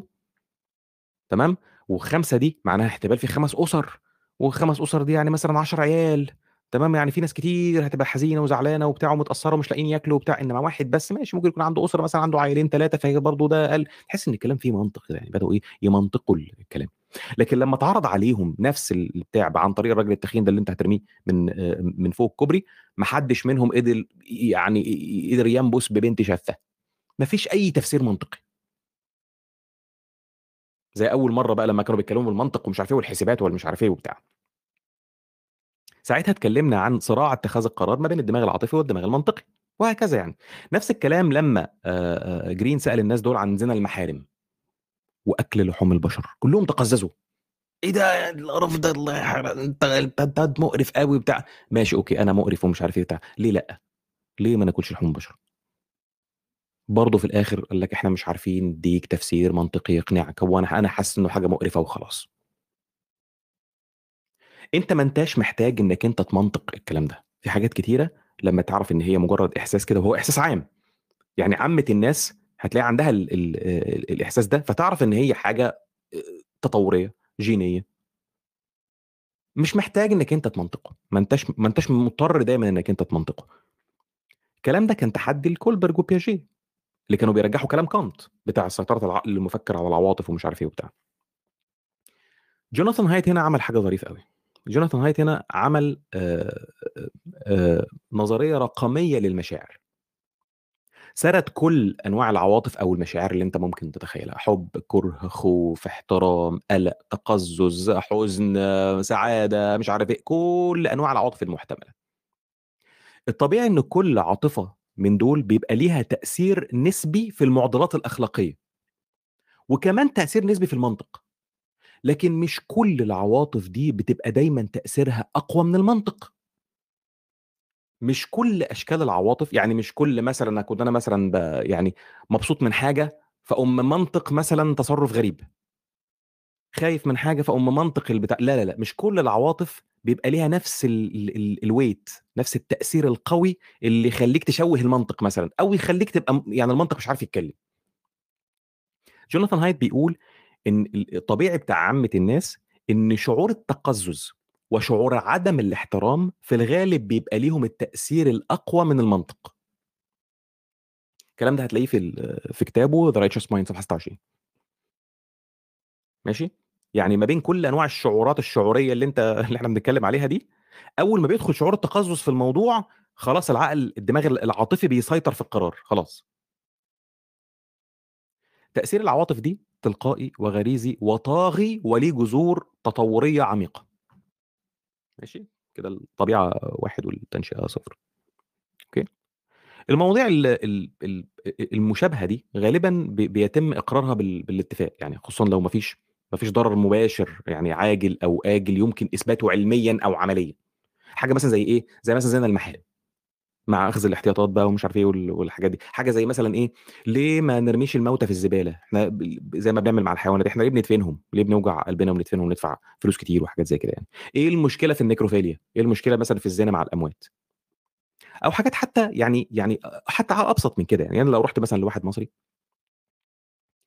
و وقُلت له آآ باقول لك إيه يا بلدينا، إحنا بدل ما ندفن أبوك، ما نحرق جثته ونحط لك الرماد بتاعه في برطمان تخلّيه عندك في البيت أهو يونسك، مثلًا يعني، ويفضل قدامك على طول بدل ما كل شوية تروح تزوره مثلًا في قبره. طبعًا هو هي هيستنكر جدًا مثلًا وهيشخر لك طبعًا وحاجات زي كده.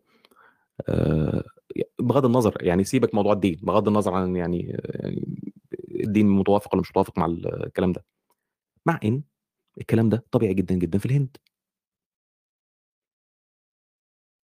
طب في الأحوال الطارئة جدًا، جدًا زي ما حصل مثلًا في كورونا مثلًا في إسبانيا وإيطاليا مثلًا يعني. موضوع الأوبئة السيئة جدًا دي يعني لو فرضت كده هتعمل إيه؟ هتضطر تقبل الكلام ده. خد بالك إحنا هنا مش بنقول إن كل الحاجات دي وغيرها بالضرورة ملهاش تفسير أو تأصيل علمي لا في تفسيرات أنا بقول أنا بضرب ده على سبيل المثال بضرب ده على سبيل المثال في الحاجات اللي هي ممكن ما لا يحضرك مباشرة الضرر المباشر بتاعها إيه أوكي؟ نرجع بقى للسلايد اللي كنا واقفين عليهم.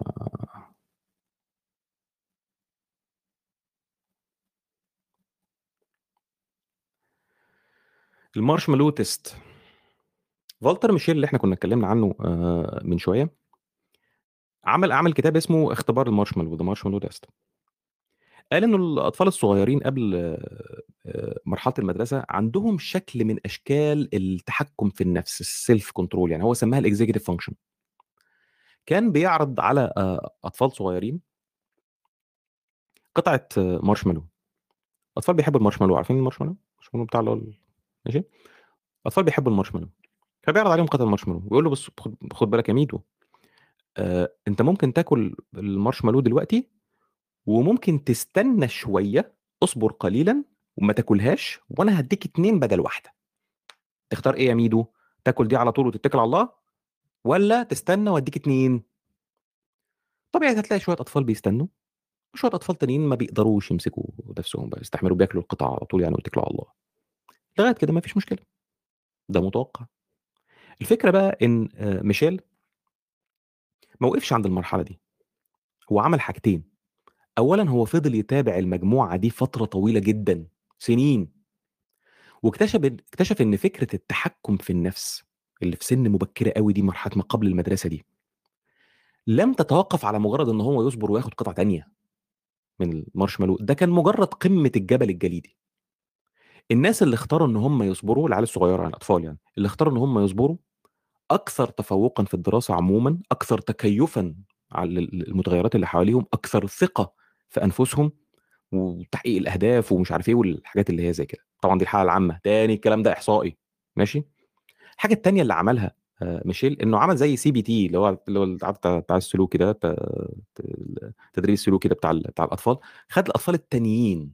خد مجموعة من الأطفال التانيين اللي ما استحملوش ما استنوش.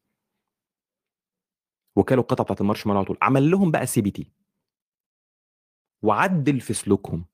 لغاية ما بقوا زي الأطفال الأولانيين اللي بيستنوا على القطعة الثانية لما عدل في سلوك الأطفال التانيين المجموعة اللي عدل في سلوكها بقى سلوكها وبقى نتيجتها آه، في في الدراسة وفي وفي الحياة وتعاملها مع المتغيرات والثقة في النفس وبتاع بقى زي الأولانيين. اختلف. كل حاجة اختلفت. نقدر إننا نغير سلوك الأطفال ونغير طريقة تفكيرهم. وتأثيرهم ونغير حياتهم ومستقبلهم مع حاجات تافهة وصغيرة زي كده. بس لو استهدفناهم في مرحلة مبكرة. حتى لو كان التأثير الأول طبيعي وغريزي تماما ومش متأثر من أي حاجة مسبقة. فهنا نقدر نقول إنه طبيعة واحد وتنشئة واحد. طبعا الدراسة لم تقف عند هذا الحد بل يعني كمان عمل آه، آه، اختبارات على أطفال آه، سن سنة ونص. انقطعوا عن أمهاتهم تماما من سن سنة ونص. اكتشف إن الأطفال اللي انقطعوا عن أمهاتهم في سن سنة ونص دول مش بيصبروا في الاختبار بتاع المارشميلو. طب إحنا قلنا الفكرة مش مسألة اختبار مارشميلو الفكرة إنه إيه الحاجة اللي خلتك تتصرف كده؟ هو ده اللي إحنا بن- بنسميه يعني ده القاع بتاع جبل الجليد. ده ال 70 80% اللي, اللي اللي أنت مش شايفه. قمة جبل الجليد بس هي فكرة المارشميلو. بعد 40 سنة اتعمل fMRI. على الناس دول. دراسه كانت سنين طويلة جدا يعني. لقى ان الفرق ما بين الاثنين هو طريقة عمل الدماغ وكما هو متوقع. اللي بيصبروا بتلاقي عندهم ال prefrontal cortex الحته اللي هي بتاعت التفكير ومش عارف إيه بتاع هو اللي شغال في الحالة دي. أما التانيين بيبقى الدماغ العاطفي. أرجو إنه يكون ال يعني ال مترتب على الكلام اللي أنا بقوله ده مفهوم يعني. أنا هحاول إن أنا ألخص من من وقت للتاني كده على قد ما أقدر أقول جملة كده ألخص بيها ال- السكشن يعني على على قد ما أقدر يعني. استحملوا معايا لسه في حاجة حلوة جاية. إحنا قلنا بنأسس بس وبعد كده إيه هنخش على التقيل. أنا عارف إني طولت بس استحملوا معايا أنا مش عايز إن أنا أقسم الحلقات على على جزئين. نعوم تشومسكي أعتقد إحنا يعني كلنا كلنا عارفينه يعني كلنا سمعنا الاسم ده يعني. نعوم تشومسكي أشهر عالم لغويات في العالم يعني. وطبعا هو طبيب نفسي شهير يعني. برضه أثبت يعني إزاي الأطفال بيتعلموا اللغة بسهولة متناهية. وده معروف طبعا ماشي؟ بس هو قدم نموذج دماغي لتفسير الظاهرة دي. يعني إيه اللي في تشريح الدماغ عند الأطفال بيخليهم كده يتعلموا اللغة بسهولة كده يعني؟ وقال إن هي عاملة زي زي زي برامج الكمبيوتر كده اللي هي بيسهل عليك التأقلم برامج الكمبيوتر بتتأقلم مع كل اللغات بسهولة ومش عارف إيه وبتاع. وعلى قد ما في جدال على النموذج اللي هو طرحه يعني برضه في جدال على النماذج المشابهة الخاصة اللي هي بتشكيل الأحكام الأخلاقية عند عند الأطفال.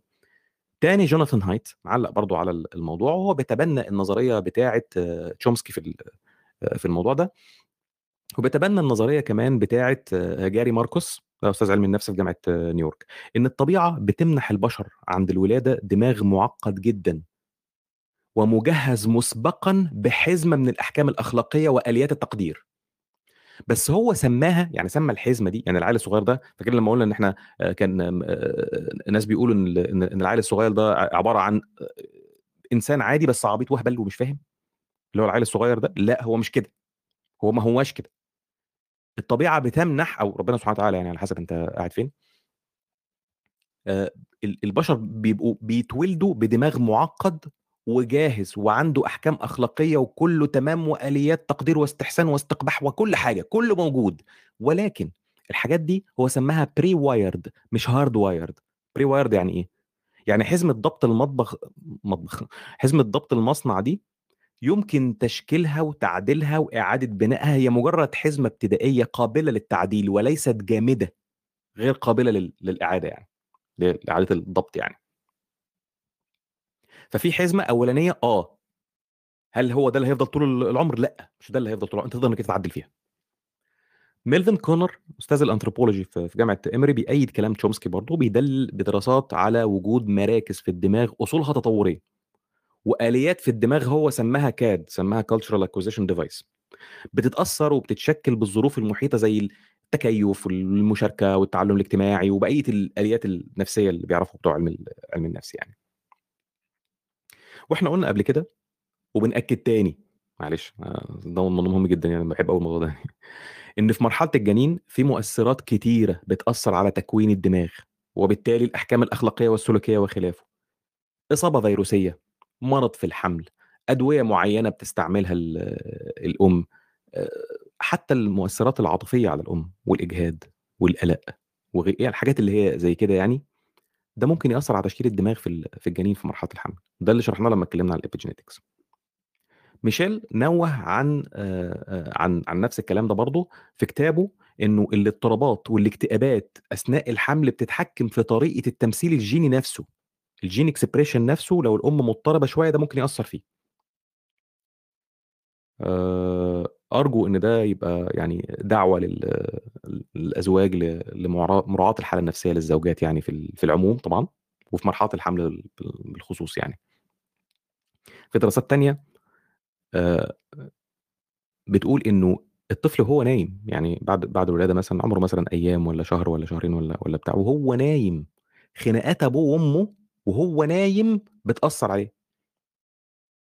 عملوا fMRI ولقوا إنه الطريقة بقى اللي بتبدأ طبعا الخلايا العصبية عمالة بتتكون بقى بتتكون والروابط بتتكون ومش عارف إيه وبتاع وكده. لما بيكون في إزعاج وحاجات زي كده الشكل المسار اللي بتاخده الروابط بتاعه الخلايا العصبية ديت علشان تبدأ تتكون بتختلف. لو في دوشة وفي إزعاج وفي ناس بتتخانق وكلام عصبي وكلام شتايم ومش عارف إيه بتختلف طريقة النمو الدماغ بيختلف للطفل اللي نايم. مش هقول لك سامع ولا شايف ولا بتاع. دماغ الحيوان أو دماغ الحيوانات تخرج من الرحم كالقطع الخزفية من الفرن. أي لمس أو إعادة تشكيل فيها ممكن يخدشها أو يكسرها. أما دماغ الإنسان فبتخرج من الرحم كزجاج سائل.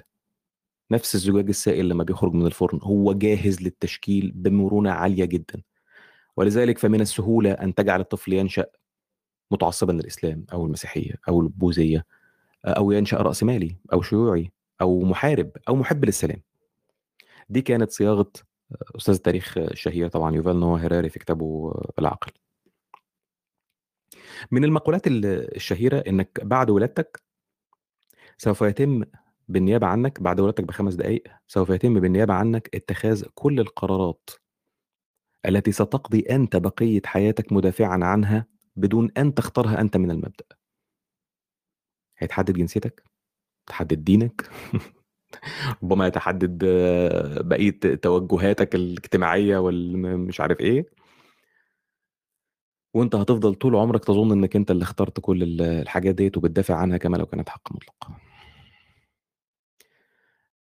عالم الجينات والأوبئة البريطاني تيم تيم سبيكتر كان كاتب كتاب اسمه Identically Different بيتكلم عن دراسة بتثبت إن إزاي الأطفال اللي عندهم قابلية للتحول الجيني ده اللي هو epigenetic ده إزاي لو تعرضوا لسوء معاملة ده بيعمل تغييرات كيميائية وجينية عندهم بيتم توارثها للأسف للأجيال اللي بعدهم.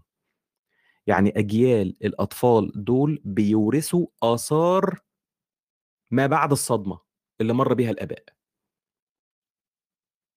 طفل مر بظروف مهببة أثرت عليه نفسيا اللي هو ال post traumatic تمام؟ آثار ما بعد الصدمة دي اللي مر بيها الطفل علشان مر بصدمة آثار ما بعد الصدمة بيورثها الأولاد بالرغم إن ما فيش صدمة بس الآثار دي بيورثها الأولاد. زي ما زي ما قلنا ونعيد تاني وتالت مش كل الجينات بتكون فعالة ال DNA لديه العديد من الآليات عشان تفعل خاصية ال epigenetics دي. في آليات من من ضمنها ال DNA methylation ومش عارف إيه تاني مش هدخلكم في تعقيدات ومش عارف إيه بس هي ال DNA methylation ده اللي هو تحويل تحويلات في ال methyl group تمام؟ يعني تفاعلات كيميائية من الآخر بتاع ربنا تفاعلات كيميائية بتغير التركيب الكيميائي بتاع جزيء ال DNA ده. يعني بتغير ال DNA هو قايل ملخص الكلام ده بجملة كالتالي.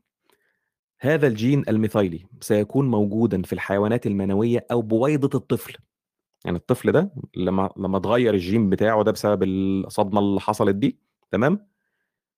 حيواناته المنوية أو البويضه بتاعته لو ولد ولا بنت هيكون موجود فيها هذا الجين ثم ينتقل عاده إلى الجيل التالي عندما يتكاثر. وهذا يؤدي إلى دورة متزايدة من الأبوة والأمومة المختلة وسوء المعاملة. بالإضافة إلى نقل التجربة المؤلمة السيئة نفسها. فبالإضافة لده فإن القابلية الوراثية طويلة المدى موجودة في العائلات بالإضافة إلى التغييرات فوق الجينية اللي هي الابيجينيتكس اللي هي قصيرة المدى دي. لو تابعت حلقة علم الأعصاب هتلاقينا اتكلمنا عن جين اسمه الجين المحارب. فاكر ال MAOA gene اللي قلنا عليه إن هو الجين بتاع الطبيعة العدوانية والعنف والقسوة ومش عارف إيه والحاجات ديت يعني. افشالوم كاسبي أستاذ علم النفس والأعصاب الإسرائيلي الأمريكي. ده أستاذ علم النفس في جامعة King's College هنا في لندن. بيقول في دراسة التالي الأطفال الذين تعرضوا لسوء المعاملة مع النمط الجيني الذي يمنح مستويات عالية من من MAOA gene كانوا أقل عرضة للإصابة بمشاكل معادية للمجتمع. يعني الجين ده جين المحارب ده لما كان فيهم الجين المحارب حماهم من تغول المجتمع عليهم أو تأثير المجتمع العنيف عليهم. في دراسات على الفئران فئران فئران الصغيرة يعني جابوا فئران صغيرة خالص وعرضوهم لمعاملة وحشية. عامله وحشة يعني. تطور نمو الدماغ بتاعهم والتشريح الدماغي بتاعهم بيبقى مختلف عن تطور نمو الدماغ وتشريح الدماغ بتاع الفئران العادية اللي ما مروش بظروف وحشة. الظريف في الأمر إنه نفس التغييرات في تطور نمو الدماغ وبالتالي التشريح الدماغي عند الفئران اللي مرت بسوء معاملة هو نفس شكل تطور نمو الدماغ ونفس المركز بالظبط عند البشر اللي مروا بسوء معاملة وقهر اجتماعي في مرحلة الطفولة. مركز اتخاذ قرار كده في الفص الجبهي تمام متصل مباشرة بالذاكرة. منطقي صح؟ بس اللي انت كنت فاهمه في الأول أو اللي ممكن تكون فاهمه في الأول يعني إنه الموضوع مجرد ذاكرة بس سيئة وخلاص.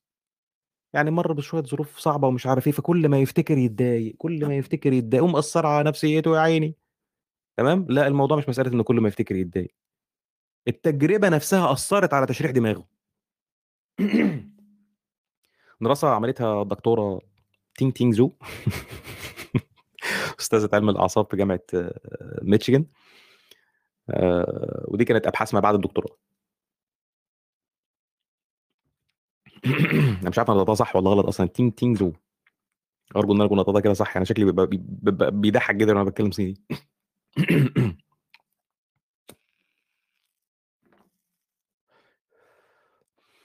خلاصة الكلام اللي فات إن حتى لو اتكلمنا عن تأثير الطبيعة والجينات والوراثة والتطور في تشكيل ال الشخصية والأحكام الأخلاقية، فحتى المكونات الطبيعية دي بما فيها تشريح الدماغ، ممكن تتأثّر تأثُّر مباشر بالبيئة المحيطة، سواء كيميائية أو تغذية أو أدوية أو حتى معاملة. معاملة. المعاملة للأطفال في مرحلة مبكرة بيفرق في تشريح دماغهم لمّا بيكبروا، وبيفرق في الجينات بتاعتهم والتمثيل الجيني ده اللي هيتورّث بعد كده. معاملتك لزوجتك الحامل ولأطفالك في سِن مبكرة جدًا، هتشوف آثاره في أحفادهم وأحفاد أح أحفادهم. ربّوا عيالكم كويس عشان ما يطلعوش يهرفوا دين أبونا الله يبارك لكم.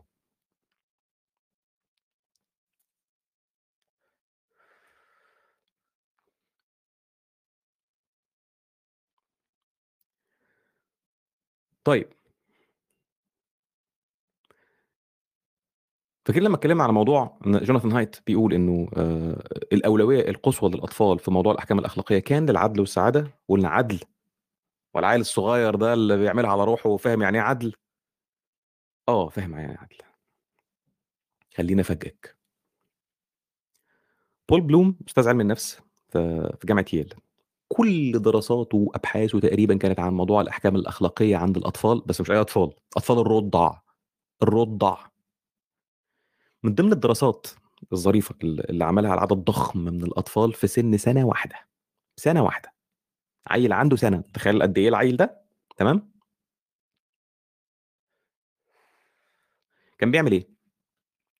كان بيجيب بيجيب الأطفال دول اللي عندهم سنة واحدة دول بيفرّجهم على عرض مسرحي بسيط، عرض مسرحي puppet show puppet show بسيط خالص، خالص.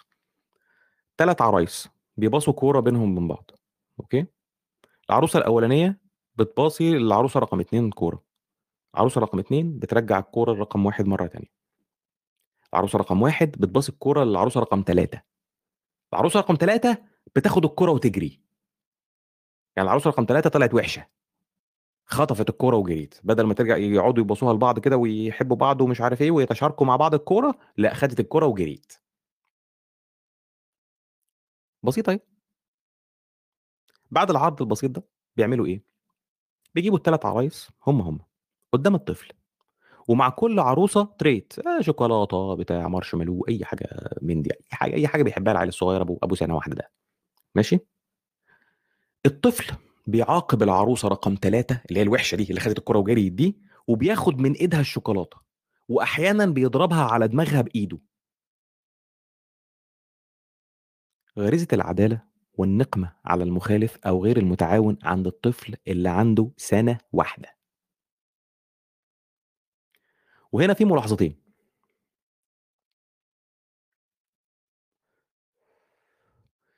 الملاحظة الأولى من باب الأمانة العلمية، إن حتى الدراسة دي كان عليها اعتراضات. وناس طلعوا قالوا طب مش جايز يكون الطفل اللي عنده سنة واحدة يكون شاف طفل تاني بيعمل كده وراح مقلده؟ مش يمكن كذا، مش يمكن كذا؟ وأنا هنا أتمنى من أي حد يقرأ الدراسات والأوراق العلمية اللي أنا باقولها في ال في المبحث ده كله في أي في أي حلقة من الحلقات، إنه كمان يقرأ الاعتراضات. ويقرأ الملاحظات. سواء اللي موجودة في الدراسة نفسها، لأن الدراسة نفسها بتخطّأ نفسها، يعني فيها الدراسة نفسها الحاجات ال ال اللي هي الfalsification بتاعتها، إحنا اتكلمنا عن الكلام ده كتير قبل كده. أو في الردود عليها، لمّا تخش على أي موقع science mag م مش عارف nature بتاع أي شيء من هذا القبيل، أنت هتلاقي الدراسة وهتلاقي في الrelated studies هتلاقي دراسات رادة على دي. عشان نعرف يا جماعة إنه ال ال ال ال ال الاعتراضات على الأوراق العلمية بتبقى علمية، ومن داخل نفس المجتمع العلمي، وبنفس المنهجية مش بالسذاجة وال والسطحية التي يظنها ناس كتير عن موضوع المؤامرات والمخططات بتاعة المجتمع العلمي، وبرضه مش بالتقديس اللي بيظنه البعض الآخر. اللي بياخد دراسة علمية يقوم جاري. ما فيش مقدسات في العلم. تذكر إن وظيفة المنهج العلمي والمجتمع العلمي إنه يثبت إن فرضيتك غلط، مش يثبت إنها صح.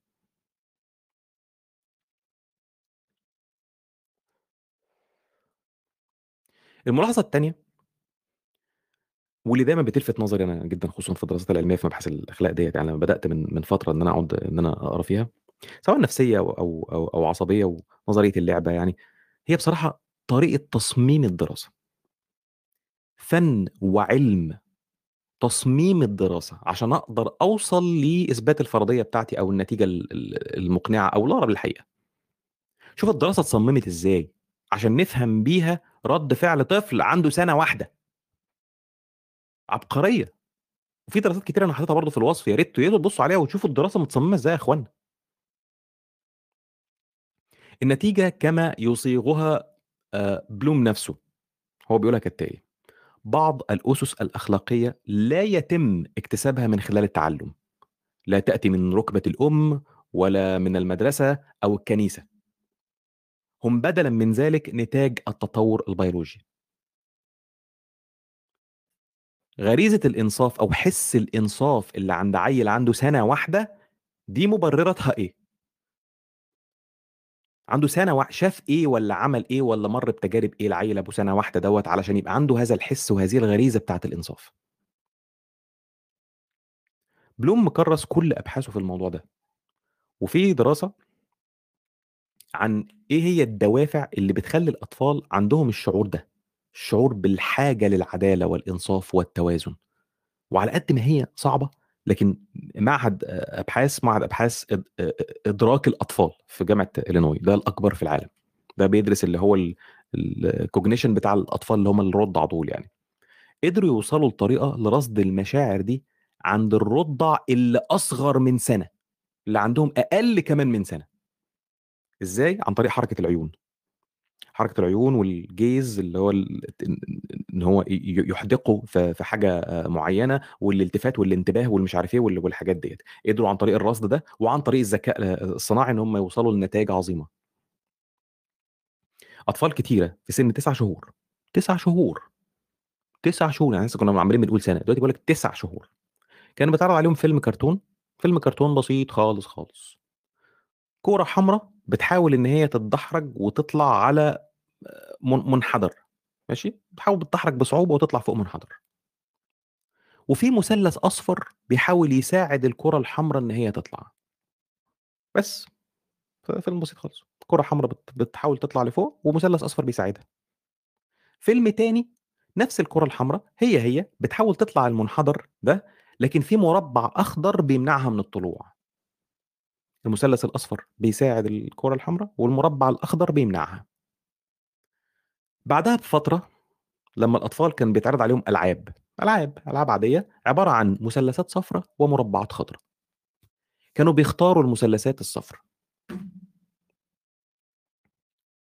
ولما كانوا بيجيبوا أطفال تانيين يعكسوا فيها الأدوار يعني يخلوا ال- ال- المثلث الأصفر هو اللي بيمنع الكورة والمربع الأخضر هو اللي بيساعد الكورة ويعرضوا عليهم الألعاب مرة تانية الأطفال كانوا بيختاروا المربع الأخضر.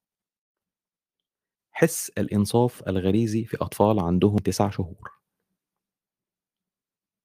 تجارب مشابهة اتعملت على أطفال عندهم ثلاث شهور.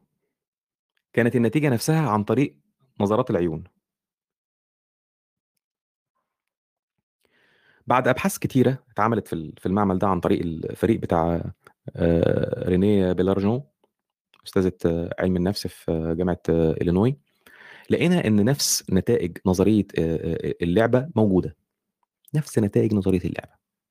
بيأكدها علم نفس الأطفال وبيأكدها علم الأعصاب. الأطفال في سن أقل من سنتين يتوقعوا عدالة وإنصاف في المكافآت لما يتشاركوا في تنفيذ مهمة معينة. وبيرفضوا التساوي مع الأطفال اللي ما تعاونوش في نفس المهمة. نفس فكرة التعاون والعقاب الإيثاري اللي اتكلمنا عليه في حلقة نظرية اللعبة. الموضوع مش مجرد حسابات وتفضيل للانتخاب الطبيعي والانتخاب الطبيعي بيبقي على المتعاون وبيشيل اللي مش متعاون ومش عارف إيه والكلام ده. ده طلع غريزة. النتيجة بتاعت كل الأبحاث دي إنه الإنصاف هو الطريقة التي يعمل بها العالم. Fairness is how the world works. بلوم بيلخص كل مجهود أبحاثه اللي سردها في كتاب مجرد أطفال وعمل كتاب اسمه Just Babies okay؟ بيتكلم فيه عن كل الأبحاث بتاعت ال- ال- الأبحاث الإدراكية بتاعت بتاعت الأطفال دي في الجملة التالية. يتوقع الأطفال المساواة ويفضلون أولئك الذين يقسمون الموارد بالتساوي وهم منحازون بشدة لتقسيم الموارد بأنفسهم بالتساوي. يتناسب هذا بشكل جيد مع صورة معينة عن الطبيعة البشرية. وهي أننا ولدنا بنوع من غريزة الإنصاف فنحن نتحلى بالمساواة بالفطرة. بس ومع ذلك إحنا برضو كلنا بنلاحظ إن الأطفال لما يكبروا شوية بقى يعني 3 سنين 4 سنين 5 سنين مش عارف إيه لغاية سن 8 سنين آه، مثلا بيبقى عندهم أنانية. عندهم أنانية أكتر. وعدم رغبة في في المشاركة. أو بيبقوا بيبقوا انتقائيين في يعني لو قرروا إن هم يشاركوا حاجاتهم مع بعض أو مع أصحابهم أو مع قرايبهم وكده يعني. وده برضو مدروس وبرضو معروف سببه. لكن متأثر جدا بفكرة ال- ال- الإيجو أو الذاتية اللي عند ال- اللي عند الطفل. تاني بتاع في النظرية التحليلية في عندك في بتاعت علم النفس انت عندك الثلاث مكونات بتاعت الشخصية اللي هي ال id وال ego وال- وال super ego يعني اللي هو الأنا اللي هو يعني. أنا هتكلم عن ده باختصار يعني لو لو احتاجنا يعني لو شفت له لازمة يعني. فزي ما قلنا مش مفاجأة ابدا إن كل ال- يعني البالغين يعني خصوصا الآباء يعني بيواجهوا مشاكل مع أطفالهم فيما يخص موضوع المشاركة مع الغير يعني حتى مع أخواتهم مثلا. الأطفال مش دايما كرماء. ماشي؟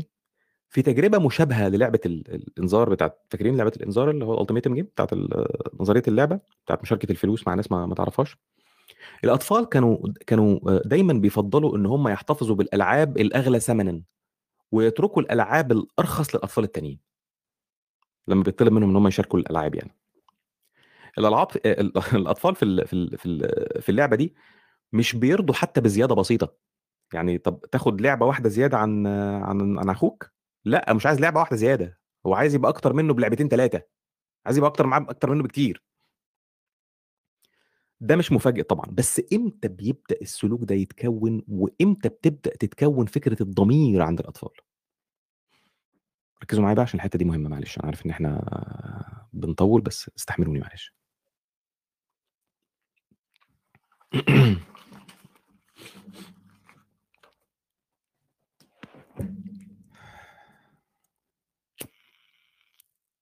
مركزين؟ أتمنى ذلك. زي ما قلنا في دراسات بلوم بتاعت بتاعت الأطفال في سن سنة ونص بيبدأ عندهم إظهار ردود أفعال في المواقف السلوكية المختلفة. ردود الأفعال اللي اللي بيظهروها دي في المراحل السنية دي مباشرة وبسيطة ومنحصرة في ثلاث حاجات. اللي هو اللي إحنا قلنا عليهم اللي هو إيه؟ إحراج إحساس بالذنب وفخر. shame guilt and pride ماشي؟ آه، ردود أفعال بسيطة خالص ومباشرة.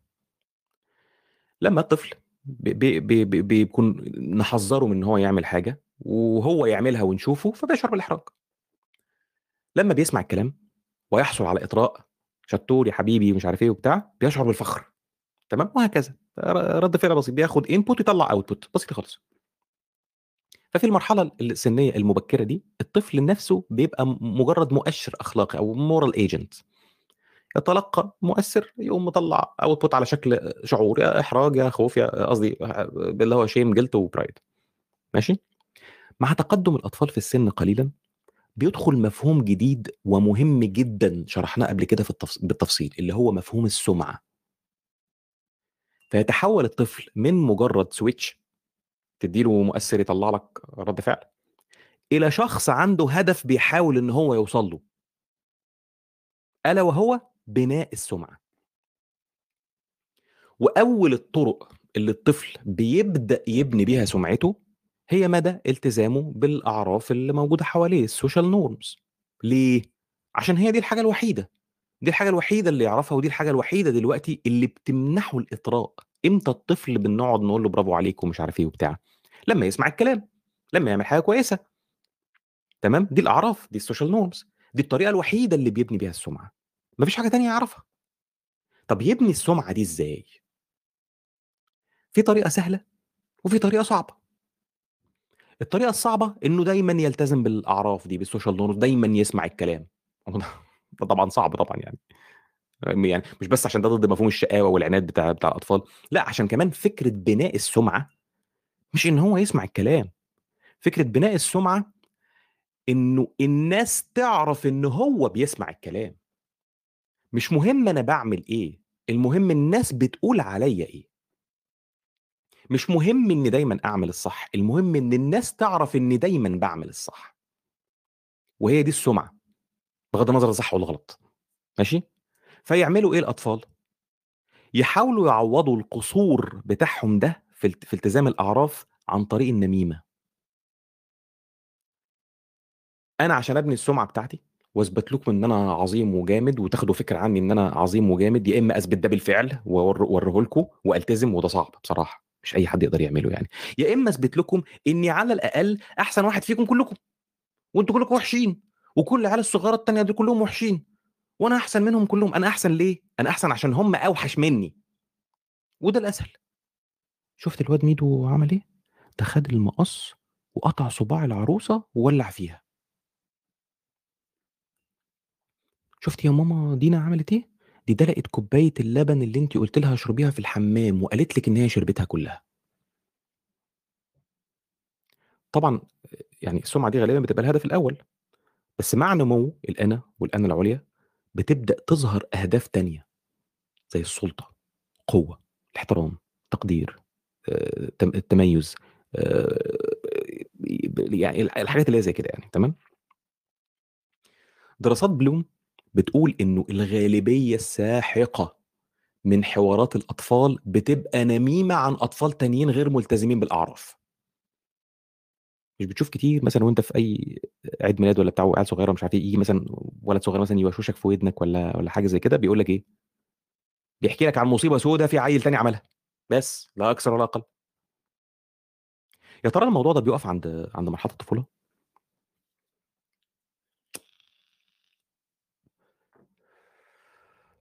هل الموضوع ده بيقف عند مرحلة الطفولة؟ ولا في ناس عمرها العقلي بيتوقف عند المرحلة السنية دي ولما بيكبروا بيعملوا للناس التانيين محاكم تفتيش؟ دينية محاكم تفتيش أخلاقية عشان الناس تقول لهم برافو عليك برافو عليك يا فلان انت محترم قوي فشخ صاحب على أخلاق عالية فشخ أنت إزاي محترم كده؟ أنت إزاي عظيم كده والناس دي التانية دي أوساخ كده؟ عرفتوا بقى سبب ال- التعليقات التافهة اللي بتلاقيها على مواقع التواصل؟ الاجتماعي على صورة على صورة بنت مثلا أو صورة حتى راجل مع مراته مثلا ولا بتاع ده ديوس ده مش عارف إيه ده بتاع ده كذا ده, كذا أو أو تلاقي مثلا واحدة ماشية مثلا بشعرها في الشارع مثلا يكون التعليق الرسمي للشارع المصري كله استغفر الله العظيم. تعدي من جنبها واحدة ست تعمد تعدي من جنبها عشان تقول لها استغفر الله العظيم. ما يعرف ما بين المزدوجين بقيم الأسرة المصرية. ليه الناس بتلاقي عندها شهوة غريبة إن هم يعملوا الت- التعليقات دي؟ وإن هم يعيبوا على الناس وينصبوا لهم محاكم التفتيش دي. ليه؟ ده نقص عندهم هم. insecurity. هو مش عايز يقول رأيه. هو عايز يثبت لنفسه إن في حد أوحش منه ويثبت للناس بالتعليق. إن يا اخوانا أنا بس عايز أقول لكم إن أنا أحسن من الراجل الوسخ ده ديوس على مراته ده. أنا ما بعملش زيه على فكرة. يا ريت تشكروني بقى بس بينكم وبين نفسكم كده اعرفوا إن أنا أحسن منه.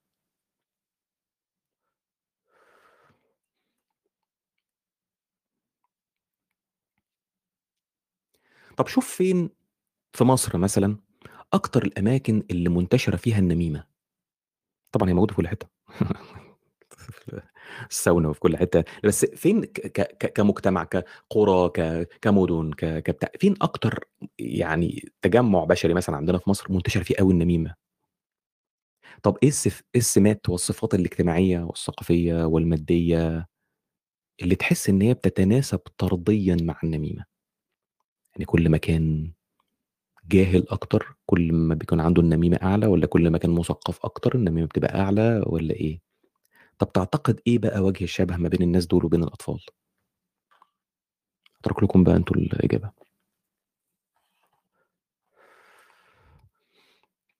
أنا عموما شرحت ال- القصة دي بال- بالتفصيل أكتر في في الحلقة بتاعت علم نفس الجماهير يعني.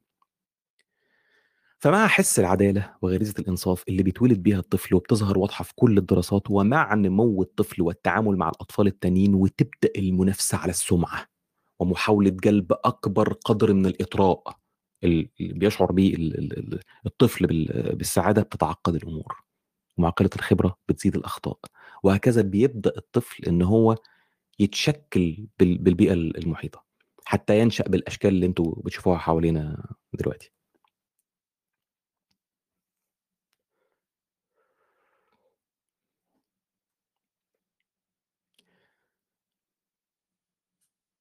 آخر حاجة ه هنختم بيها طبعًا هي إن إحنا يعني نلقي بعض الأضواء على سلوك الشباب الصغير، المراهقين، بعض الدراسات ال المتعلقة بيها يعني. طب فيما يخص الدراسات المتعلقة بالشباب الصغير ده أو بال بال بالمراهقين دول يعني. فيما يخص الدراسات اللي هي ليها علاقة بالإيثار والتبادل والمشاركة ما بين الشباب الصغير، هل قدرنا نرسم برضه خط واضح ما بين تأثير الطبيعة وتأثير ال البيئة؟ للأسف برضه لأ. لسه الاتنين موجودين ولسه نسبة التأثير الكمي والكيفي بتاع كل واحد مش واضح أوي. ما زال المعاملين الأساسيين اللي إحنا اتكلمنا عليهم قبل كده لسه موجودين، فكرة الreciprocal آآ altruism اللي هو الإيثار التبادلي. أنت تعمل حاجة عشان أنا أعمل حاجة، تمام؟ وفكرة ال اللي هو طبعًا ده طبعًا قاعدة القاعدة الذهبية اللي إحنا عارفينها، ده خلاص ده موجود وغريزي ومُفسّر تطوريًا وعصبيًا ونفسيًا وgame theory وكل حاجة، أوكي؟ وفي النوع التاني اللي هو الnon reciprocal altruism اللي هو الإيثار غير التبادلي. اللي هو إنك أنت تعمل حاجة ومش مستني مقابل، ومش هيحصل مقابل. طبعًا لو استبعدنا كل أشكال المحفزات النفسية والسعادة الداخلية وطبيعة العطاء وكل المبررات دي، يبقى ما فيش أي مبرر تاني غير الدين. إنك تعمل حاجة وأنت مضرور ومش راضي عن نفسك وما حدش هيشوفك ولا هيساعدك في بناء سُمعة ولا الشخص ده أصلًا من بلد تانية ولا يعرفك ولا تعرفه ولا هيشوفك ولا هتشوفه ولا عمره هيرُد لك البتاع ولا حد تاني هيرُد لك ولا هو قريب منك لا من قريب ولا بعيد ولا عمر حد في الكون هيعرف إن أنت عملت أي ح كل ده منتفي تمامًا، ده ما لوش أي تبرير غير الدين. بس هل ده بيحصل أصلًا؟ أنا أزعم إن هو أندر من الندرة. أفتكر إننا في حلقة آآ نظرية اللعبة، قُلنا إن تأثير المراقب كان كبير على القرار. فاكر في اللي هي آآ لعبة الديكتاتور. تأثير إن في حد بيراقبك وبيشوفك، ده بيفرق في القرار بتاعك يعني. قرارك في التعاون والإيثار بيختلف. ده مش بس عشان بناء السُمعة، ده كمان ليه تأصيل بيولوجي، واتكلم عنه بالتفصيل ريتشارد ألكسندر عالم الأحياء وأستاذ الأحياء في جامعة ميشيغان في كتابه The Biology of Moral System. ما يبدو ليك إن هو إيثار لوجه الله تعالى ليه تأثير بيولوجي داخلي ومكافأة عصبية ونفسية من هرمونات السعادة ومش عارف إيه والحاجات التانية. فأنت لمّا بتعمل كده، أنت مش بتعمل كده لوجه الله تعالى وحده، أنت بتعمل كده عشان تتكيّف أنت كمان برضه. عشان تعرف آآ تأثير البيئة وال والتنشئة على الأحكام ال الأخلاقية بتاعة الشباب الصغير، في دراسة عملها أستاذ علم النفس الإسرائيلي جورج تمارين، جورج رافائيل تمارين. عمل الدراسة دي على طلاب مدرسة متوسطة في إسرائيل. كان بيعمل استطلاع رأي عادي، بيعمل استطلاع رأي آآ بتاعهم بيسألهم عن موضوع ال المجزرة ال اللي عملها سيدنا يشوع عليه السلام في أريحة Battle of Jericho. عارفينها؟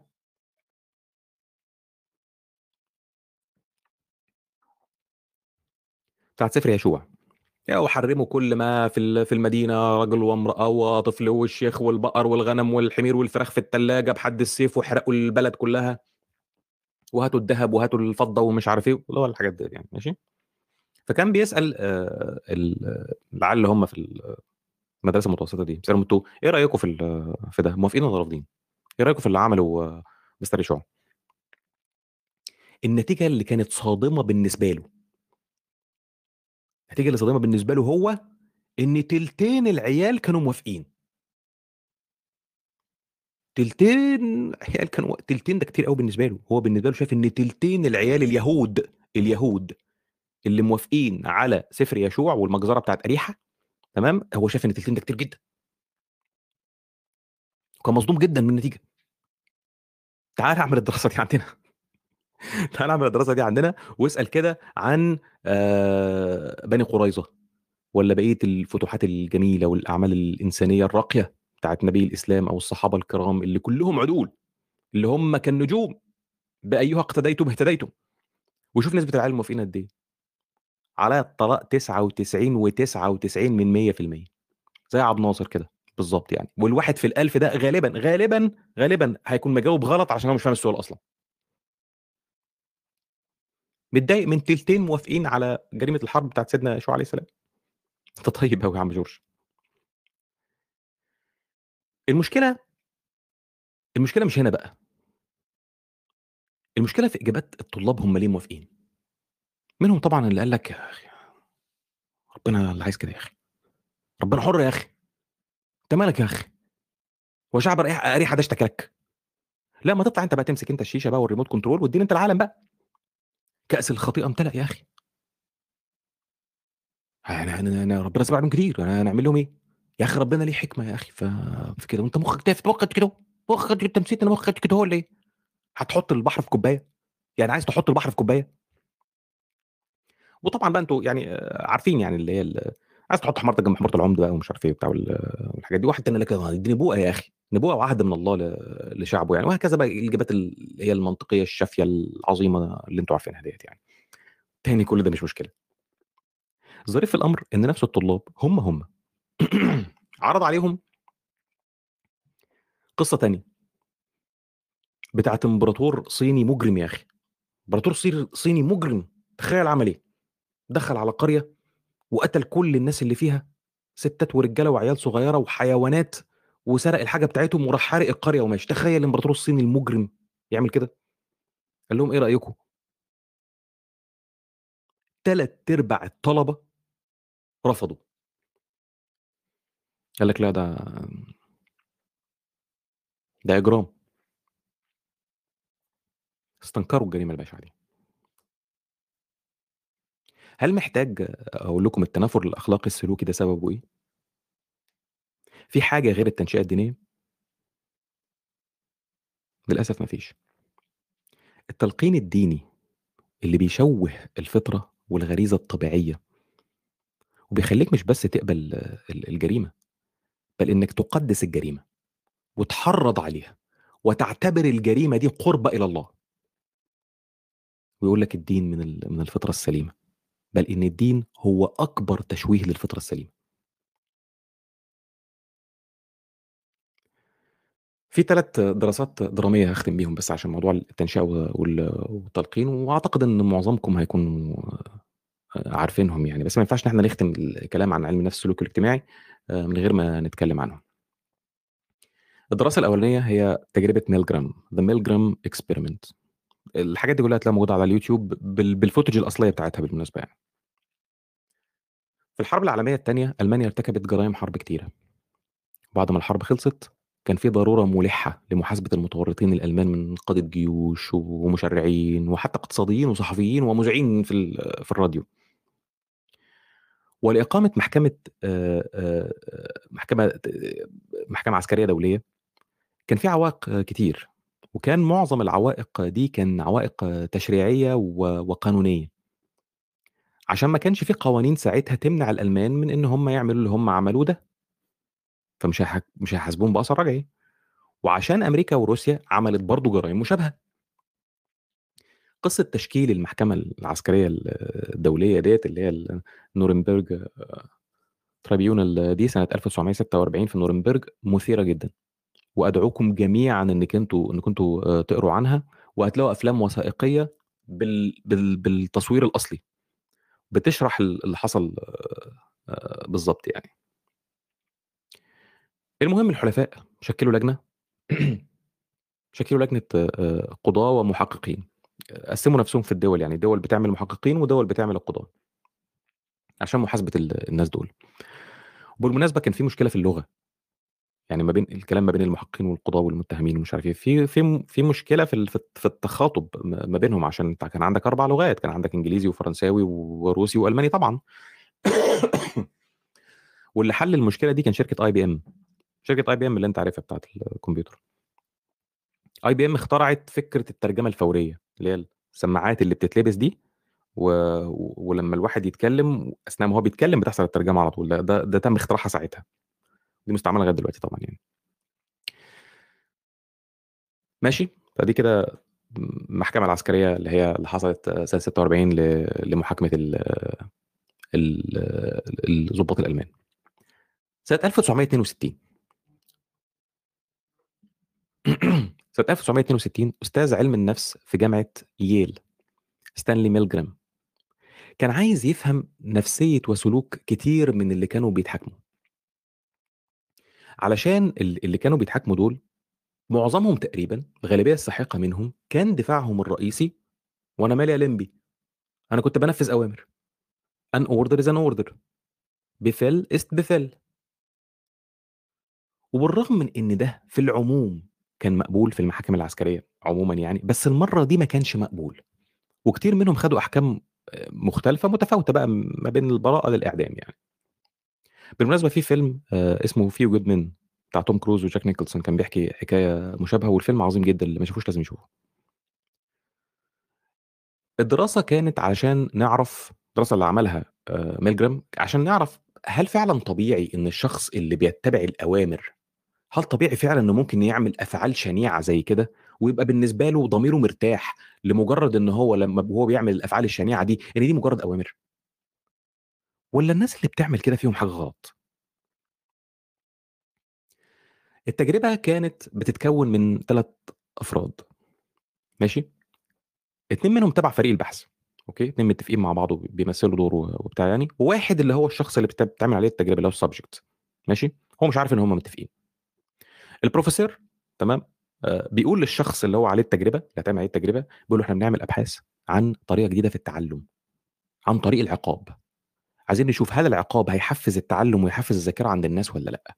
بُص هتعمل إيه، أنت هتقعد في أوضة فيها سويتشات بتاعة كهربا ماشي، في الأوضة التانية أنت مش شايف في شخص تالت اللي إحنا بنحاول نعمل نعلّمه اللي هو الlearner ماشي، اللي هتعمله إنّك أنت هتقرأ جملة فيها مثلًا 5، 6 كلمات ورا بعض.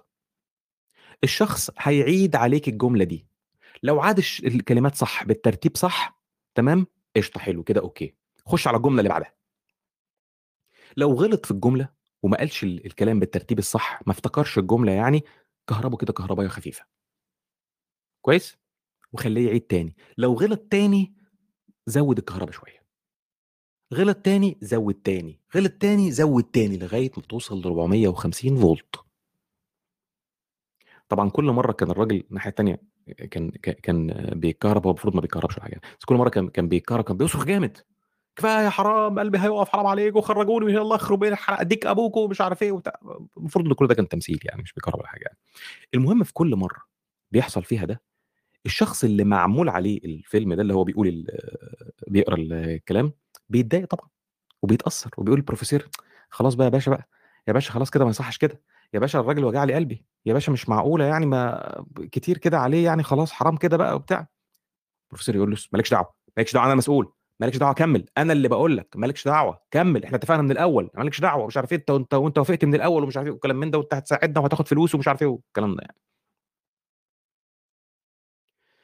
كام في المِيّة من الناس كمّلوا لغاية الآخر؟ وفضلوا يعذّبوا في الراجل لغاية ال450 فولت؟ وكام في المِيّة انسحبوا؟ خلّيني أقول لك حاجة. ميلجرام قرر يسأل آآ الباحثين في علم النفس آآ عن توقعاتهم إيه لنتيجة التجربة، قبل ما تتعمل التجربة. سأل 40 أستاذ علم نفس في أمريكا في الفترة دي. قال لهم التجربة كذا، كذا، كذا، تفتكروا إيه اللي هيحصل؟ كام منهم هيكمّل وكام منهم هيمشي؟ 40 أستاذ علم نفس اللي هم بيدرسوا الكلام ده، ماشي؟ 40 أستاذ علم نفس قال لك النتيجة بالنسبة لك هتبقى اللي هيكمّل للآخر ده من 1 في ال1000 ل1% بالكتير. بالكتير 1% هيستجيبوا للأوامر ويكمّلوا لغاية الآخر. 40 أستاذ علم نفس. النتيجة كانت إنه 50% من الناس كمّلوا للآخر. 50%. 50% دول فضلوا يعذّبوا في الراجل من غير سُلطة حقيقية. ولا عقاب هيُقع عليهم لو ما نفّذوش الأوامر، يا دوبك هيخسروا الفلوس، يا دوبك بينفّذوا اللي اتفقوا عليه، يا دوبك في سُلطة علمية إن الراجل بيقول لهم ما لكوش دعوة أنا فاهم أنا باعمل إيه.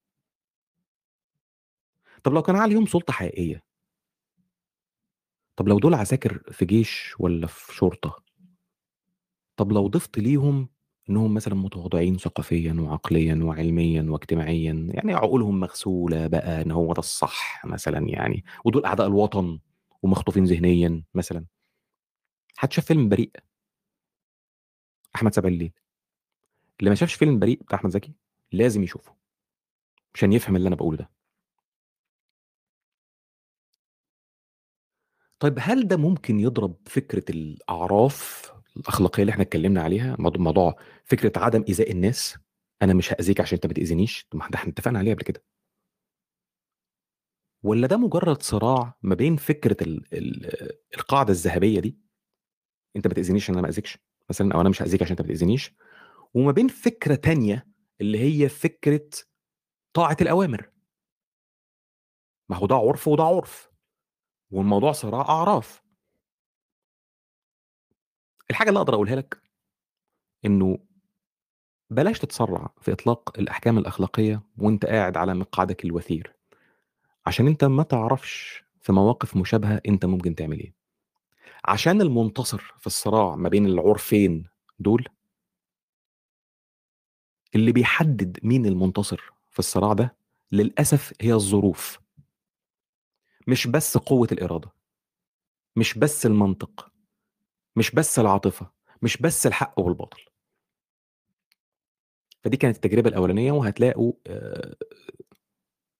الفوتج بتاعها موجود أصلا يعني. في التجربة التانية اللي هي الشهيرة جدا يعني اللي هي تجربة سجن ستانفورد The Stanford Prison Experiment. أعتقد كتير مننا سمع عن تجربة ستانفورد أو حتى ممكن يكون شاف الفيلم يعني الفيلم اتعمل سنة 2015 يعني. فيليب زيمباردو أستاذ علم النفس في ستانفورد حب يعمل تجربة على الطلاب بتوعه. عشان يشوف تحول سلوك الإنسان على حسب تغير الظروف أو المهنة أو السلطة وهكذا يعني. سنة 1971 جاب مجموعة من الطلاب بتوعه وقسمهم مجموعتين. مجموعة عملوا دور مساجين ومجموعة عملوا دور حراس للسجن سجانين ماشي؟ وعمل بناء حقيقي لل للسجن بكل اللي فيه وخلى السجناء يلعبوا الدور صح. يعني ال- ال- ال- السجناء يلعبوا الدور صح والسجانين يلعبوا الدور صح كمان يعني. بكل ما فيه يعني من تحكم في حياة ال- المساجين أكل شرب حمام دخول خروج يعملوا إيه يقولوا إيه النوم صح كل حاجة.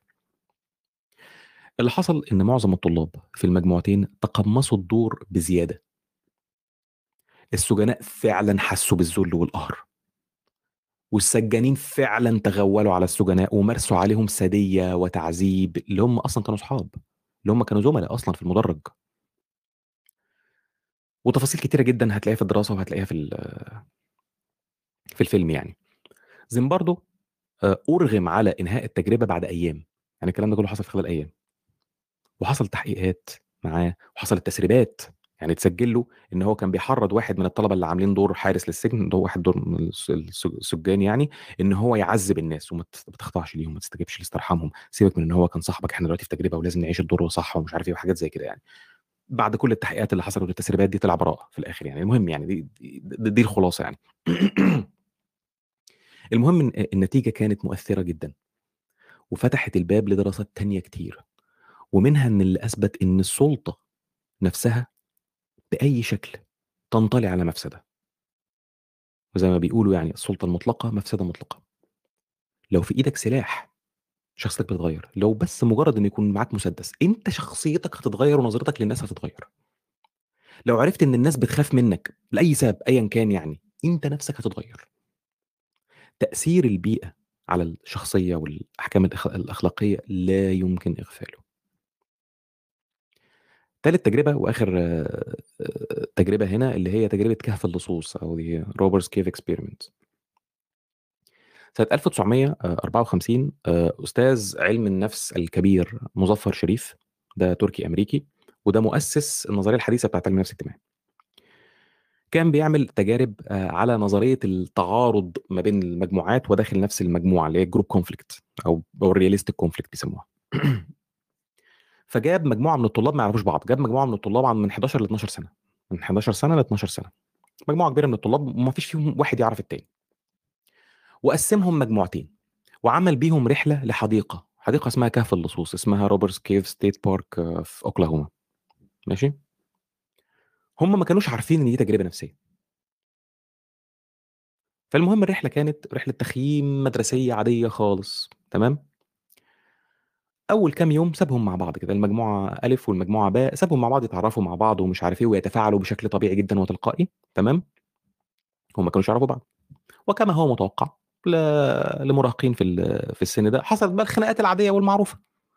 خناقات وخلافات وتحزبات ومش عارف إيه وبتاع هم إيه والديناميكيات اللي بتحصل ما بين الأطفال في السن ده أو المراهقين في السن ده يعني المعروفة وبقى في خلافات ما بين كل مجموعة يعني جوه المجموعة الف وجوه المجموعة باء في خلافات كبيرة جدا يعني ماشي؟ بعد ما خلاص كلهم عرفوا بعض والخناقات كلها بقت في وضعها حط كل مجموعة في موقف أو مأزق مفتعل معين. المأزق ده ما ينفعش يتحل إلا لو المجموعة كلها تعاونت مع بعض. والنتيجة كانت عظيمة. كل مجموعة على حدة اضطروا إن هم يتجاوزوا خلافاتهم. الناس في نفس المجموعة الأولاد في نفس المجموعة اضطروا إن هم يتجاوزوا خلافاتهم الداخلية علشان يحلوا المشكلة دي. المشكلة كانت بتبقى عاملة إزاي؟ الأكل ما جاش جعانين من الصبح مش ما, فيش أكل. في إيه؟ ده الظاهر العربية الكاوتش بتاعها ضرب وإحنا محتاجين إن إحنا نزق ولا بتاع فالمجموعة كلها تروح تزق مثلا يعني. ما فيش مية المية قطعت. آه ده في طوبة كبيرة وقعت على الخرطوم بتاع المية تعالوا لازم كلنا نشيل الطوبة مع بعض. مثلا يعني مثلا أوكي؟ بعد كده المشكلة اللي اتحلت دي قربت الناس أكتر داخل المجموعة وحلوا جزئيا الخلافات ما بينهم لأن اتكررت كتير. بعدها عمل احتكاك ما بين المجموعتين. يعني قبل كده كانت خلافات ما بين داخل نفس المجموعة بعد كده احتكاك ما بين المجموعتين. وساب الاحتكاكات دي خلى مجموعة مثلا مميزة أكتر من مجموعة ثانية فبقوا بيحقدوا على بعض ومش عارف إيه وبتاع واشياء من هذا القبيل يعني أوكي. فهو كان لعب بقى يعني في متغيرات المخيم ده بحيث إن ينشأ الخلافات ما بين المجموعتين وفعلا بالفعل المجموعتين اتخانقوا مع بعض حزب المجموعة الأولى قصاد حزب المجموعة الثانية بعدها برضه افتعل أزمة كبيرة ما تتحلش إلا لو المجموعتين تناسوا خلافاتهم وحلوا المشكلة مع بعض. وبالفعل المجموعتين اضطروا إن هم يتناسوا مشاكلهم ويحلوا المشكلة الأكبر وهكذا. النتيجة بتأكد كل حاجة إحنا قلناها قبل كده فيما يخص المشاركة والتعاون والإيثار. سيبك من فكرة الكرم والجدع والنبل والكلام الفاضي ده. المشاركة والتعاون والإيثار داخل المجموعة وبين المجموعات ضرورة حتمية. وليها تأصيل تطوري بيولوجي عصبي نفسي وكمان رياضي إحصائي. التعاون والإنصاف هي الطريقة اللي بيعمل بها العالم. الإنصاف والتعاون غريزة في الرضع. طبعا التجارب اللي فاتت دي كلها دي قديمة جدا وحاليا تعتبر غير أخلاقية طبقا لل IRB ال Institutional Review Board بتاعت اللجنة الأمريكية اللي بتحط ال ethics بتاعت الاختبارات اللي هي شبه كده اللي هي على البشر يعني والحاجات اللي هي زي كده يعني. طب هنا في نقطة مهمة. النتائج دي واللي واللي واللي بنأكده كل حلقة علمية فكرة الايثار التبادلي والتعاون القاعدة الذهبية اللي شفناها إزاي كل الدراسات بتأكده اللي هي النظرة النفعيه للأخلاق. ليه بنشوف استثناءات؟ ليه بنشوف حاجة زي التجربة بتاعت ميلجرام مثلا يعني؟ أو زي الحوادث المتفرقة اللي بنشوفها في الحروب مثلا. حقيقة ما حدث في سجن أبو غريب ربما تكون ربما يكون ما حدث في سجن أبو غريب أسوأ مما رشح على السطح. الناس اللي عملوا كده في في سجن أبو غريب ممكن تلاقيهم قبل ما يلتحقوا بالجيش ناس عاديين جدا وطيبين جدا ومحترمين ومخلصين ووديعين جدا يعني ومع ذلك شخصيتهم خربت خالص في الموقف ده. ليه؟ لما هو ال ال ال ال ال الإيثار والتعاون والمشاركة والحاجات ديت بت بتنص عليها وبتأيدها وبتدعمها كل العلوم وبما وفقهم التطور. ليه بنشوف الحاجات دي؟ الإجابة بمنتهى العم الأمانة العلمية والبحثية التي لن تجدها إلا في هذه القناة الطاهرة المباركة. المفهوم ده مفهوم التعاون والمشاركة والروابط الإيثارية بتعمل في طيف من التأثير. أو ممكن تتصورها كده على شكل مثلا دواير متحدة المركز يعني دايرة دايرة دايرة دايرة دايرة. الدايرة الصغيرة الضيقة اللي هي بتاعت الأسرة اضيق دايرة ده المحيط المحيط بتاعك اللي هو الأسرة ماشي؟ دي بتبقى قوة الرابطة الاثاريه والمشاركة والتعاون والتعاطف والحاجات دي أقوى ما يمكن. ودور الغريزة والطبيعة والجينات والمش عارف إيه مهيمنة وطاغية. ما مش هتعرف تفلفص منها.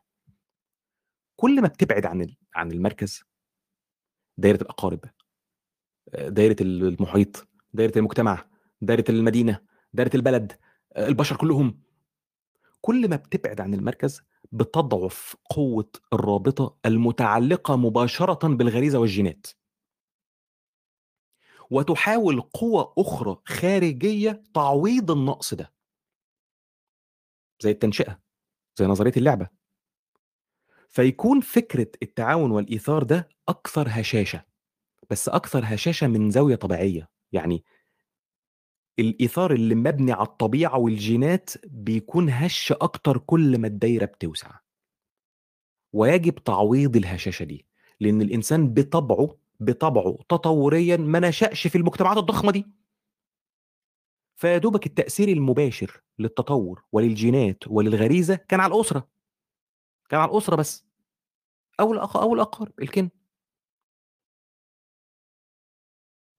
الإنسان لم يصمم إن هو يعيش في المجتمعات الضخمة دي. فبالتالي لو أنت مستغرب طب وليه بقى التطور ما بيساعدناش دلوقتي؟ لأنه ما تصممش على كده. التطور مسؤول مسؤولية مباشرة عن الأسرة والقرايب. عندك حق. في دي عندك حق. والتطور بيجاوب إجابة مباشرة في عين أي حد. والجينات ومش عارف إيه ما فيهاش تمثيل. طب الدنيا وسعت. إيه اللي حصل؟ حصل إن بقى فيه زي ما إحنا قلنا قبل كده في أول حلقة وفي في كذا حلقة بعدها اللي هي القيم الصناعية زي بتاعة العدالة والتعاون ما بين المجموعات الكبيرة. تعاون ما بين مدن ما بين دول. دي قيم صناعية ما كانتش موجودة قبل كده. اللي عايزين نقوله إن فكرة التعاون اللي منشأها طبيعي على الأسرة الواحدة زي ما نجحت هي برضه هتنجح على المدى البعيد ده. ولكن محتاجة قرار محتاجة تفكير. محتاجة منطق محتاجة حسابات. مش هتبقى مدفوع عليها بغريزتك. وضحت كده؟ دي دي كده واضحة الجملة دي؟ يعني حد يأكد لي بس عشان أو أشرحها بطريقة تانية.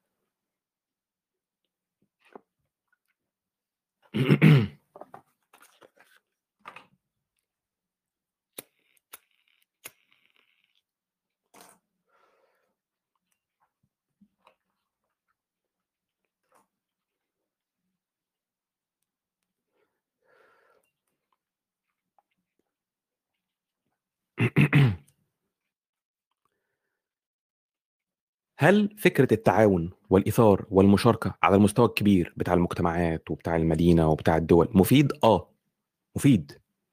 وده ثابت بالدليل. من الجيم ثيوري ومن التجارب البشر ومن مئة ألف حاجة وبالإحصائيات اللي موجودة دلوقتي ثابت بالدليل إنه مفيد. لكن إيه اللي يجبرني عليه؟ هو ده السؤال. ما يجبرك عليه طبيعيا وغريزيا؟ هش. هش جدا. فلازم تلاقي تعويض عن ده. طب هل التعاون في الأسرة مفيد مثلا؟ هل التعاون ما بين القرايب مفيد؟ آه طبعا مفيد مفيد جدا جدا. طب إيه اللي يجبرني عليه؟ الطبيعة الغريزة التطور النشأة اللي غصب عنك بالتطور وده إجبار قوي جدا. ما تعرفش تفلفص منه ما تعرفش تهرب منه. نفس الفوائد دي فوائد التطور دي موجودة على على مستوى الأسرة واللي يجبرك عليها غصب عنك التطور والجينات. غصب عنك. نفس التطور ده مفيد في المجتمعات الكبيرة جدا جدا. بس إيه اللي يجبرني عليها؟ هل الجينات؟ لا تأثيرها ضعيف. هل الغريزة؟ لا تأثيرها ضعيف. حاجات تانية بقى تجبرك عليها. تجبرك عليها إزاي؟ إزاي تجبرك عليها؟ إنها تثبت لك إن هو ده الصح. زي الجيم ثيوري وزي ال ال ال الأعصاب الأعصاب وزي التجارب البشرية اللي إحنا شفناها حوالينا. فالخلاصة في الموضوع ليه بنلاقي استثناءات؟ لإن التأصيل الطبيعي الغريزي بتاع التعاون الكبير التعاون اللي هو على المستوى الواسع ده هش. التأصيل الغريزي الطبيعي وحده في التعاون الكبروي ده على المستوى الكبير تأصيل هش. ليه ما بتلاقيش يعني مثلا طبعا حتى الجرائم ديت موجودة حتى ما بين الأسر حتى داخل نفس الأسرة أنت ممكن تلاقي الجرائم دي بس ليه هي بتبقى أندر من الجرايم اللي اللي بنلاقيها ما بين الشعوب؟ أو مثلًا ما بين المجتمعات. لأ، الجرايم دي هتلاقيها أكتر. من الجرايم اللي هي داخل نفس الأسرة. ليه؟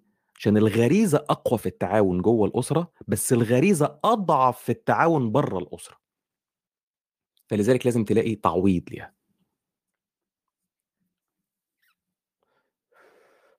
باختصار التعاون والإيثار ضرورة حتمية.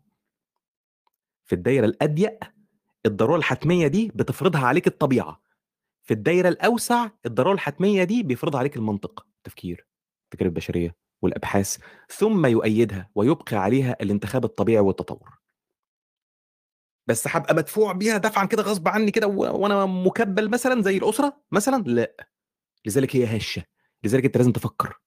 لازم تفكيرك يقودك إلى التعاون. لازم تتعلم. لازم تفهم. لازم تتعلم التعاون على المستوى الكبير.